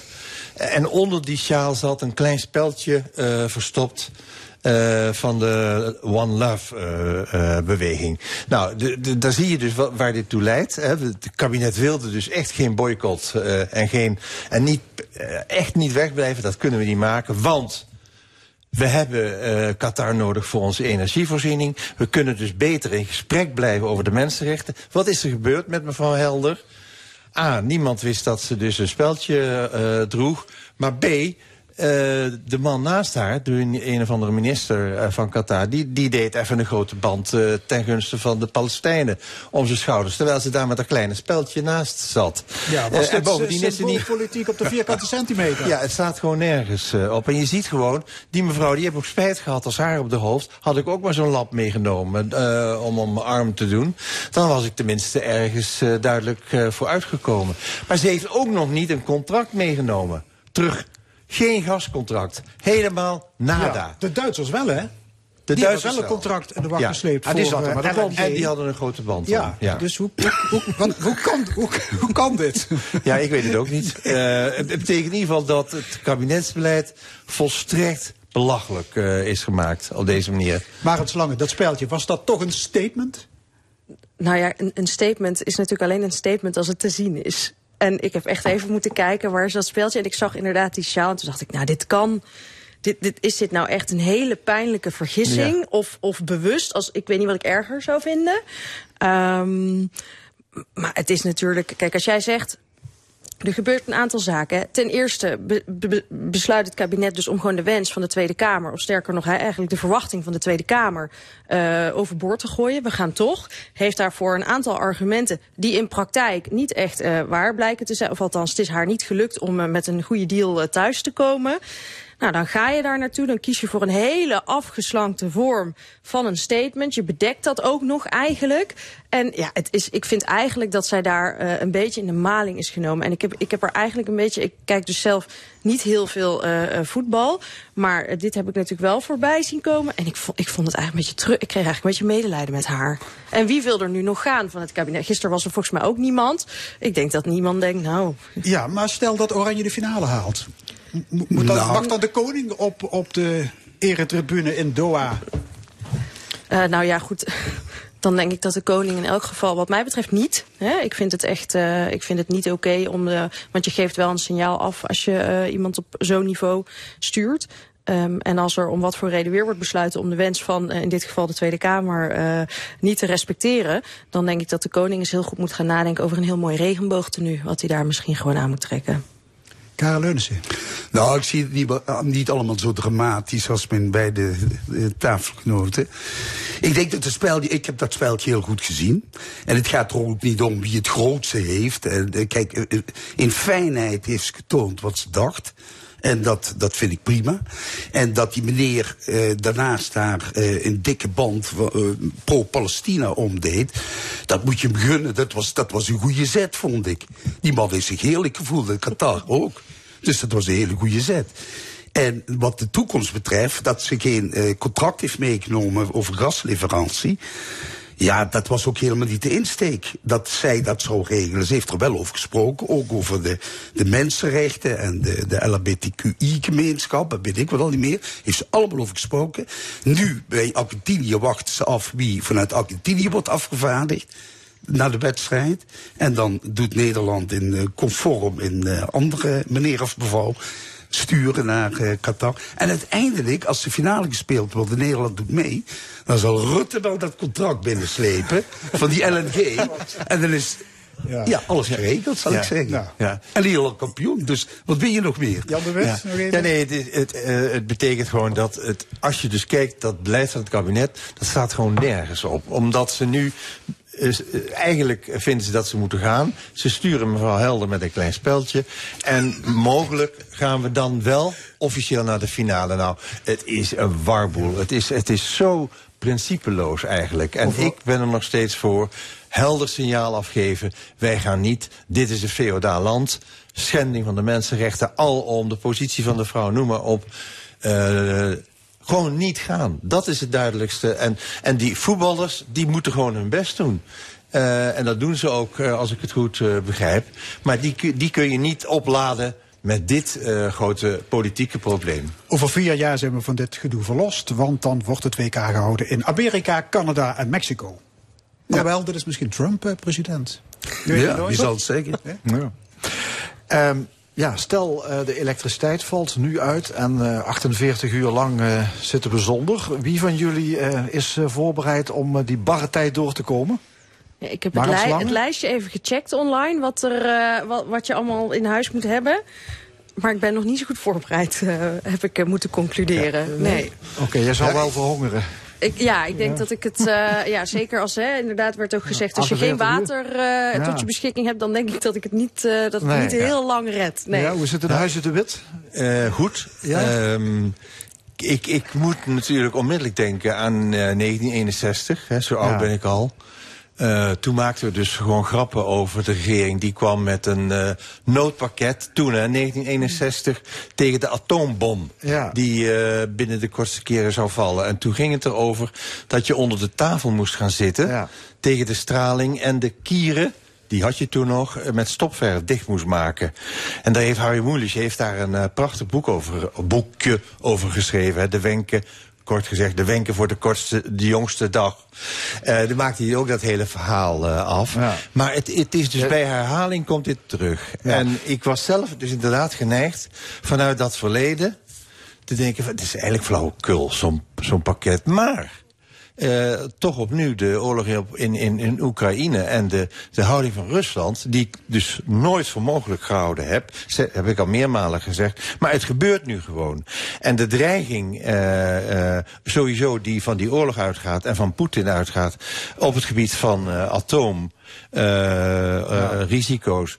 Dat is gewoon levensgroot en dat Ja. biedt mij toch, de, of dat zegt mij dat, we- dat we daar toch serieus over moeten nadenken. Ja, nou ja, waar gaat dit over voor mensen die nou denken, waar hebben ze het over? Eh, de Nationale Coördinator Terrorismebestrijding en Veiligheid, eh, die vindt dat Nederlanders nauwelijks voorbereid zijn op een ramp.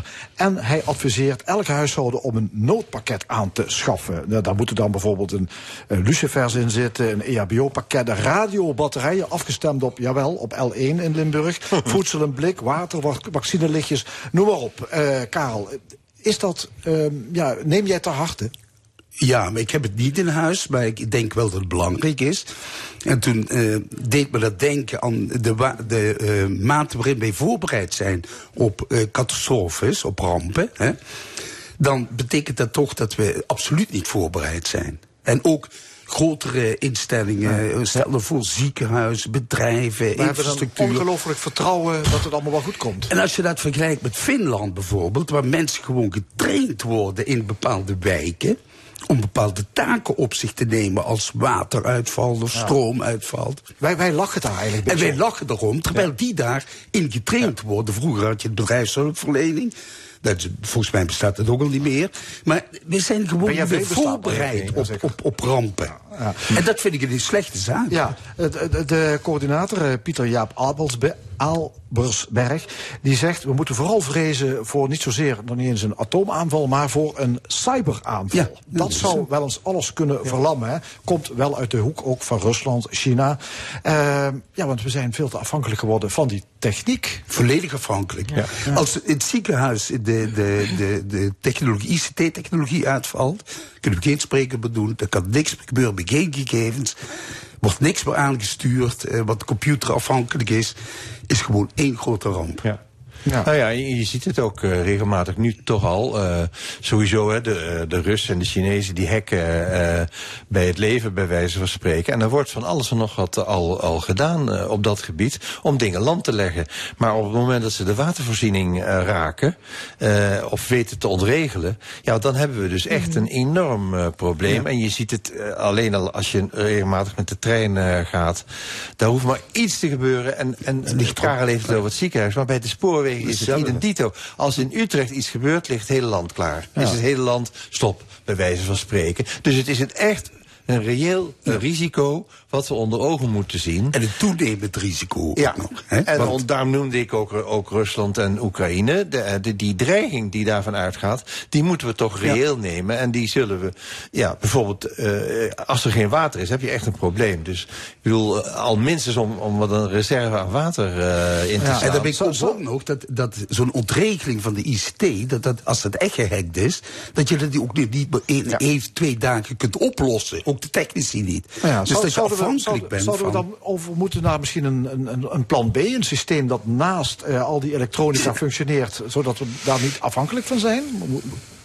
Maar het slangen? Nou ja, ja en nee. Je moet, je, moet naar een, ja, je moet naar een plan B, hè, of ja. je moet in elk geval naar een plan. Uh, want ik, ik, soms heb ik ook niet het gevoel dat er een plan A is. Uh, wat mij dan toch wel zorgen baart. En je moet volgens mij daarin heel goed kijken naar uh, de, verschillende, uh, de verschillende groepen die wij hebben in deze samenleving. Kijk, ik woon in een, uh, in een appartementencomplex. Ik woon samen met mijn vriend. We hebben een grote kelder waar we eventueel naartoe zouden kunnen. Ik weet niet of dat veilig genoeg is op dat moment. Maar goed, het zou kunnen. Maar als ik dan bijvoorbeeld denk aan mijn oma van 95 die alleen woont. Ik denk, ja, hoe moet informatie haar bereiken? Hoe moet zij weten wat ze moet doen? Dus je moet ook heel goed nadenken over kwetsbare mensen in deze samenleving. Die bij in geval van ramp alleen zijn. We hebben dat uh, in Maastricht natuurlijk vorig jaar met de, met de waters, uh, met, de, met de overstroming ervaren. Ja, er waren ook bij ons in de wijk een heleboel wat oudere mensen die alleen waren. En die zeiden, ik weet niet wat ik moet doen, help mij. Nou, ja. gelukkig reed op een gegeven moment zelfs het leger door de straat. Dat vond ik dan ook wel weer een beetje angstaanjagend. Maar daar moet je wel echt over nadenken. Dat er heel veel mensen nog steeds een eenpersoonshuishouden zijn. Um, en hoe ga je die mensen A bereiken, maar ook welke hulp hebben die mensen nodig op het moment ja. dat zoiets als dit aan de hand is. Ja. Goed, we gaan naar een ander onderwerp. Bijna alle Limburgse ziekenhuizen klagen over agressie tegenover zorgmedewerkers. Met name personeel voor de eerste hulp wordt belaagd en dat in toenemende mate. Het gaat om verbaal en soms fysiek geweld. Karel Leunissen, je bent internist. Wat vind je ervan? Ja, dat dat uh, nu aan de hand is, dat is natuurlijk, staat als een paal boven water. Ik denk dat dat uh, verergerd is door de uh, enorme wachttijden. Hè. De, de, ook de uitgestelde zorg die speelt een rol. Mensen worden niet geopereerd. En dat, dat begint toch vrevel op te bekken. Ja, en, en drukte bij de en eerste druk, hulp. Ja, het wordt dan steeds er komt steeds meer mensen naar de eerste hulp. Die worden eerder ingestuurd. Maar wat bezielt mensen dan om zo door het lint te gaan? Nou, dat is toch een beetje een teken van de tijd. Hè. De mensen zitten natuurlijk toch op het uh, puntje van de stoel. Hè. Uh, niet alleen qua. En zeker als ze dan uh, onder druk komen te staan. En als je ziek bent, dan sta je geweldig onder druk als individu, als persoon, maar ook als persoon binnen een bepaalde familie. En dan begint men te pushen. Men, men wil gewoon. Uh, en ja, zo'n. Zo eerste hulpmedewerker, die is natuurlijk heel vulnerabel. Die probeert zijn werk te doen, maar als dat niet snel genoeg gaat, of niet effectief genoeg gaat, of in de ogen van de mensen die er staan, ja, bij zijn, dan uh, levert dat problemen op. Ja. En dat kan, in woordenwisselingen kan dat zich uiten, maar dat kan uiteindelijk ook afhankelijk van hoe je in het leven staat en hoe je ja, geaard bent, dat je begint erop, te, erop in te slaan, hè, fysiek actief wordt. Ja, ik heb, ik heb onlangs een eigen ervaring gehad. Ik heb, ik heb geen artsen in elkaar getimmerd hoor. Want ik vind oh. dat echt uh, absoluut niet uh, door de beugel kunnen. Overigens nooit niet. Hulpverleners blijf je gewoon met je poten vanaf. Maar ik werd ook gebeld dat een, een operatie waar ik al lang op wacht werd uitgesteld. En toen bekroop mij ook dat gevoel van, van onmacht. En van, ik dacht, ja maar wat dan? Want ik ben echt best wel, uh, vind ik zelf, afhankelijk van het feit dat ik die operatie moet hebben. Ik kijk daar ook echt naar uit in de zin van, hè, als dat achter de rug is, dan kan ik weer de dingen doen die ik zou, graag zou willen doen. Maar tegelijkertijd dacht ik ook, ja, die mevrouw die mij dat vertelt aan de telefoon... die kan daar natuurlijk helemaal niks aan doen. Die chirurg die dat moet uitstellen, die kan daar natuurlijk helemaal niks aan doen. Dat is gewoon inderdaad alle redenen die hier beschreven worden... die daaraan bijdragen. Dus ik heb ook gezegd, ja mevrouw, ik, zei, ik ben er heel, ik baal er ontzettend van... maar ik weet eigenlijk dat u dat ook doet. Want u heeft op dit moment helemaal geen leuke taak, namelijk al die mensen bellen. Dus ja, ik, ik wens u gewoon heel veel succes en sterkte met de rest van uw dag. En ja, ik kom er ook wel weer uh, bovenop. Dus, maar ik, ik, ik begrijp dus wel heel goed dat gevoel van onmacht. Ik begrijp dat omzetten naar uh, uitingen van geweld, ja, daar, kan ik me, daar kan ik me helemaal niks bij voorstellen. Ik vind dat zo zo ingewikkeld. Um, en wat denk je daar dan ook mee te bereiken? Denk je, als ik die arts eens even flink uh, nou, uh, aanspreek... Nou, dan wordt mijn operatie naar voren gehaald van mijn behandeling? Nou ja, een grote bek opzetten kan misschien helpen. Ja, maar, is dat zo? Nou ja, ja, ik weet niet. Het, is, het is natuurlijk, het is natuurlijk uh, het, ik ben het met elkaar ook eens, met jou ook eens, dat dit soort vormen van geweld, deze agressie, is gewoon onacceptabel. Hoe maar, dat is maar, maar, zou, maar zou het kunnen helpen? Zou het zo kunnen zijn dat een arts misschien toch denkt van, dat is een lastige klant? Laat ik die hem helpen? Nou ja, je, maar je, je, de, ik, als, als dat zo zou zijn, dat zou heel triest zijn. Maar het omgekeerde, ja. je, zou de die vraag... Moeten, je moet, zou die moeten schrappen juist. Precies, de omgekeerde vraag doet zich steeds vaker voor, wordt ook gesteld openlijk. Ja. Uh, Oké, okay, een grote mond gehad en je hebt iemand in elkaar getimmerd. Oké, okay, dan kom je achteraan de wachtlijst staan. Doei. Snap je dat ja, die ethische vraag mag, dat, mag je dat doen? Ik denk dat dat, ik denk dat, dat niet kan. Maar uh, het geweld is uh, onacceptabel en, en het, het staat niet los van andere sectoren. Het is nog dat mensen uitvallen in de zorg, waardoor die wachttijden alleen maar. En de ellende alleen maar ja, Precies. Ja, Hartelijk dank, zo. discussiepanel Marend Slangen, Jan de Wit en Karen Leunissen. En dit was de stemming vandaag gemaakt door René Bergers, Fons Geraas en Frank Ruber. Graag tot volgende week zondag, 11 uur. Dit programma is na te luisteren op onze website l1.nl. Zometeen op deze zender Sport Co. Ik wens u nog een hele mooie zondag.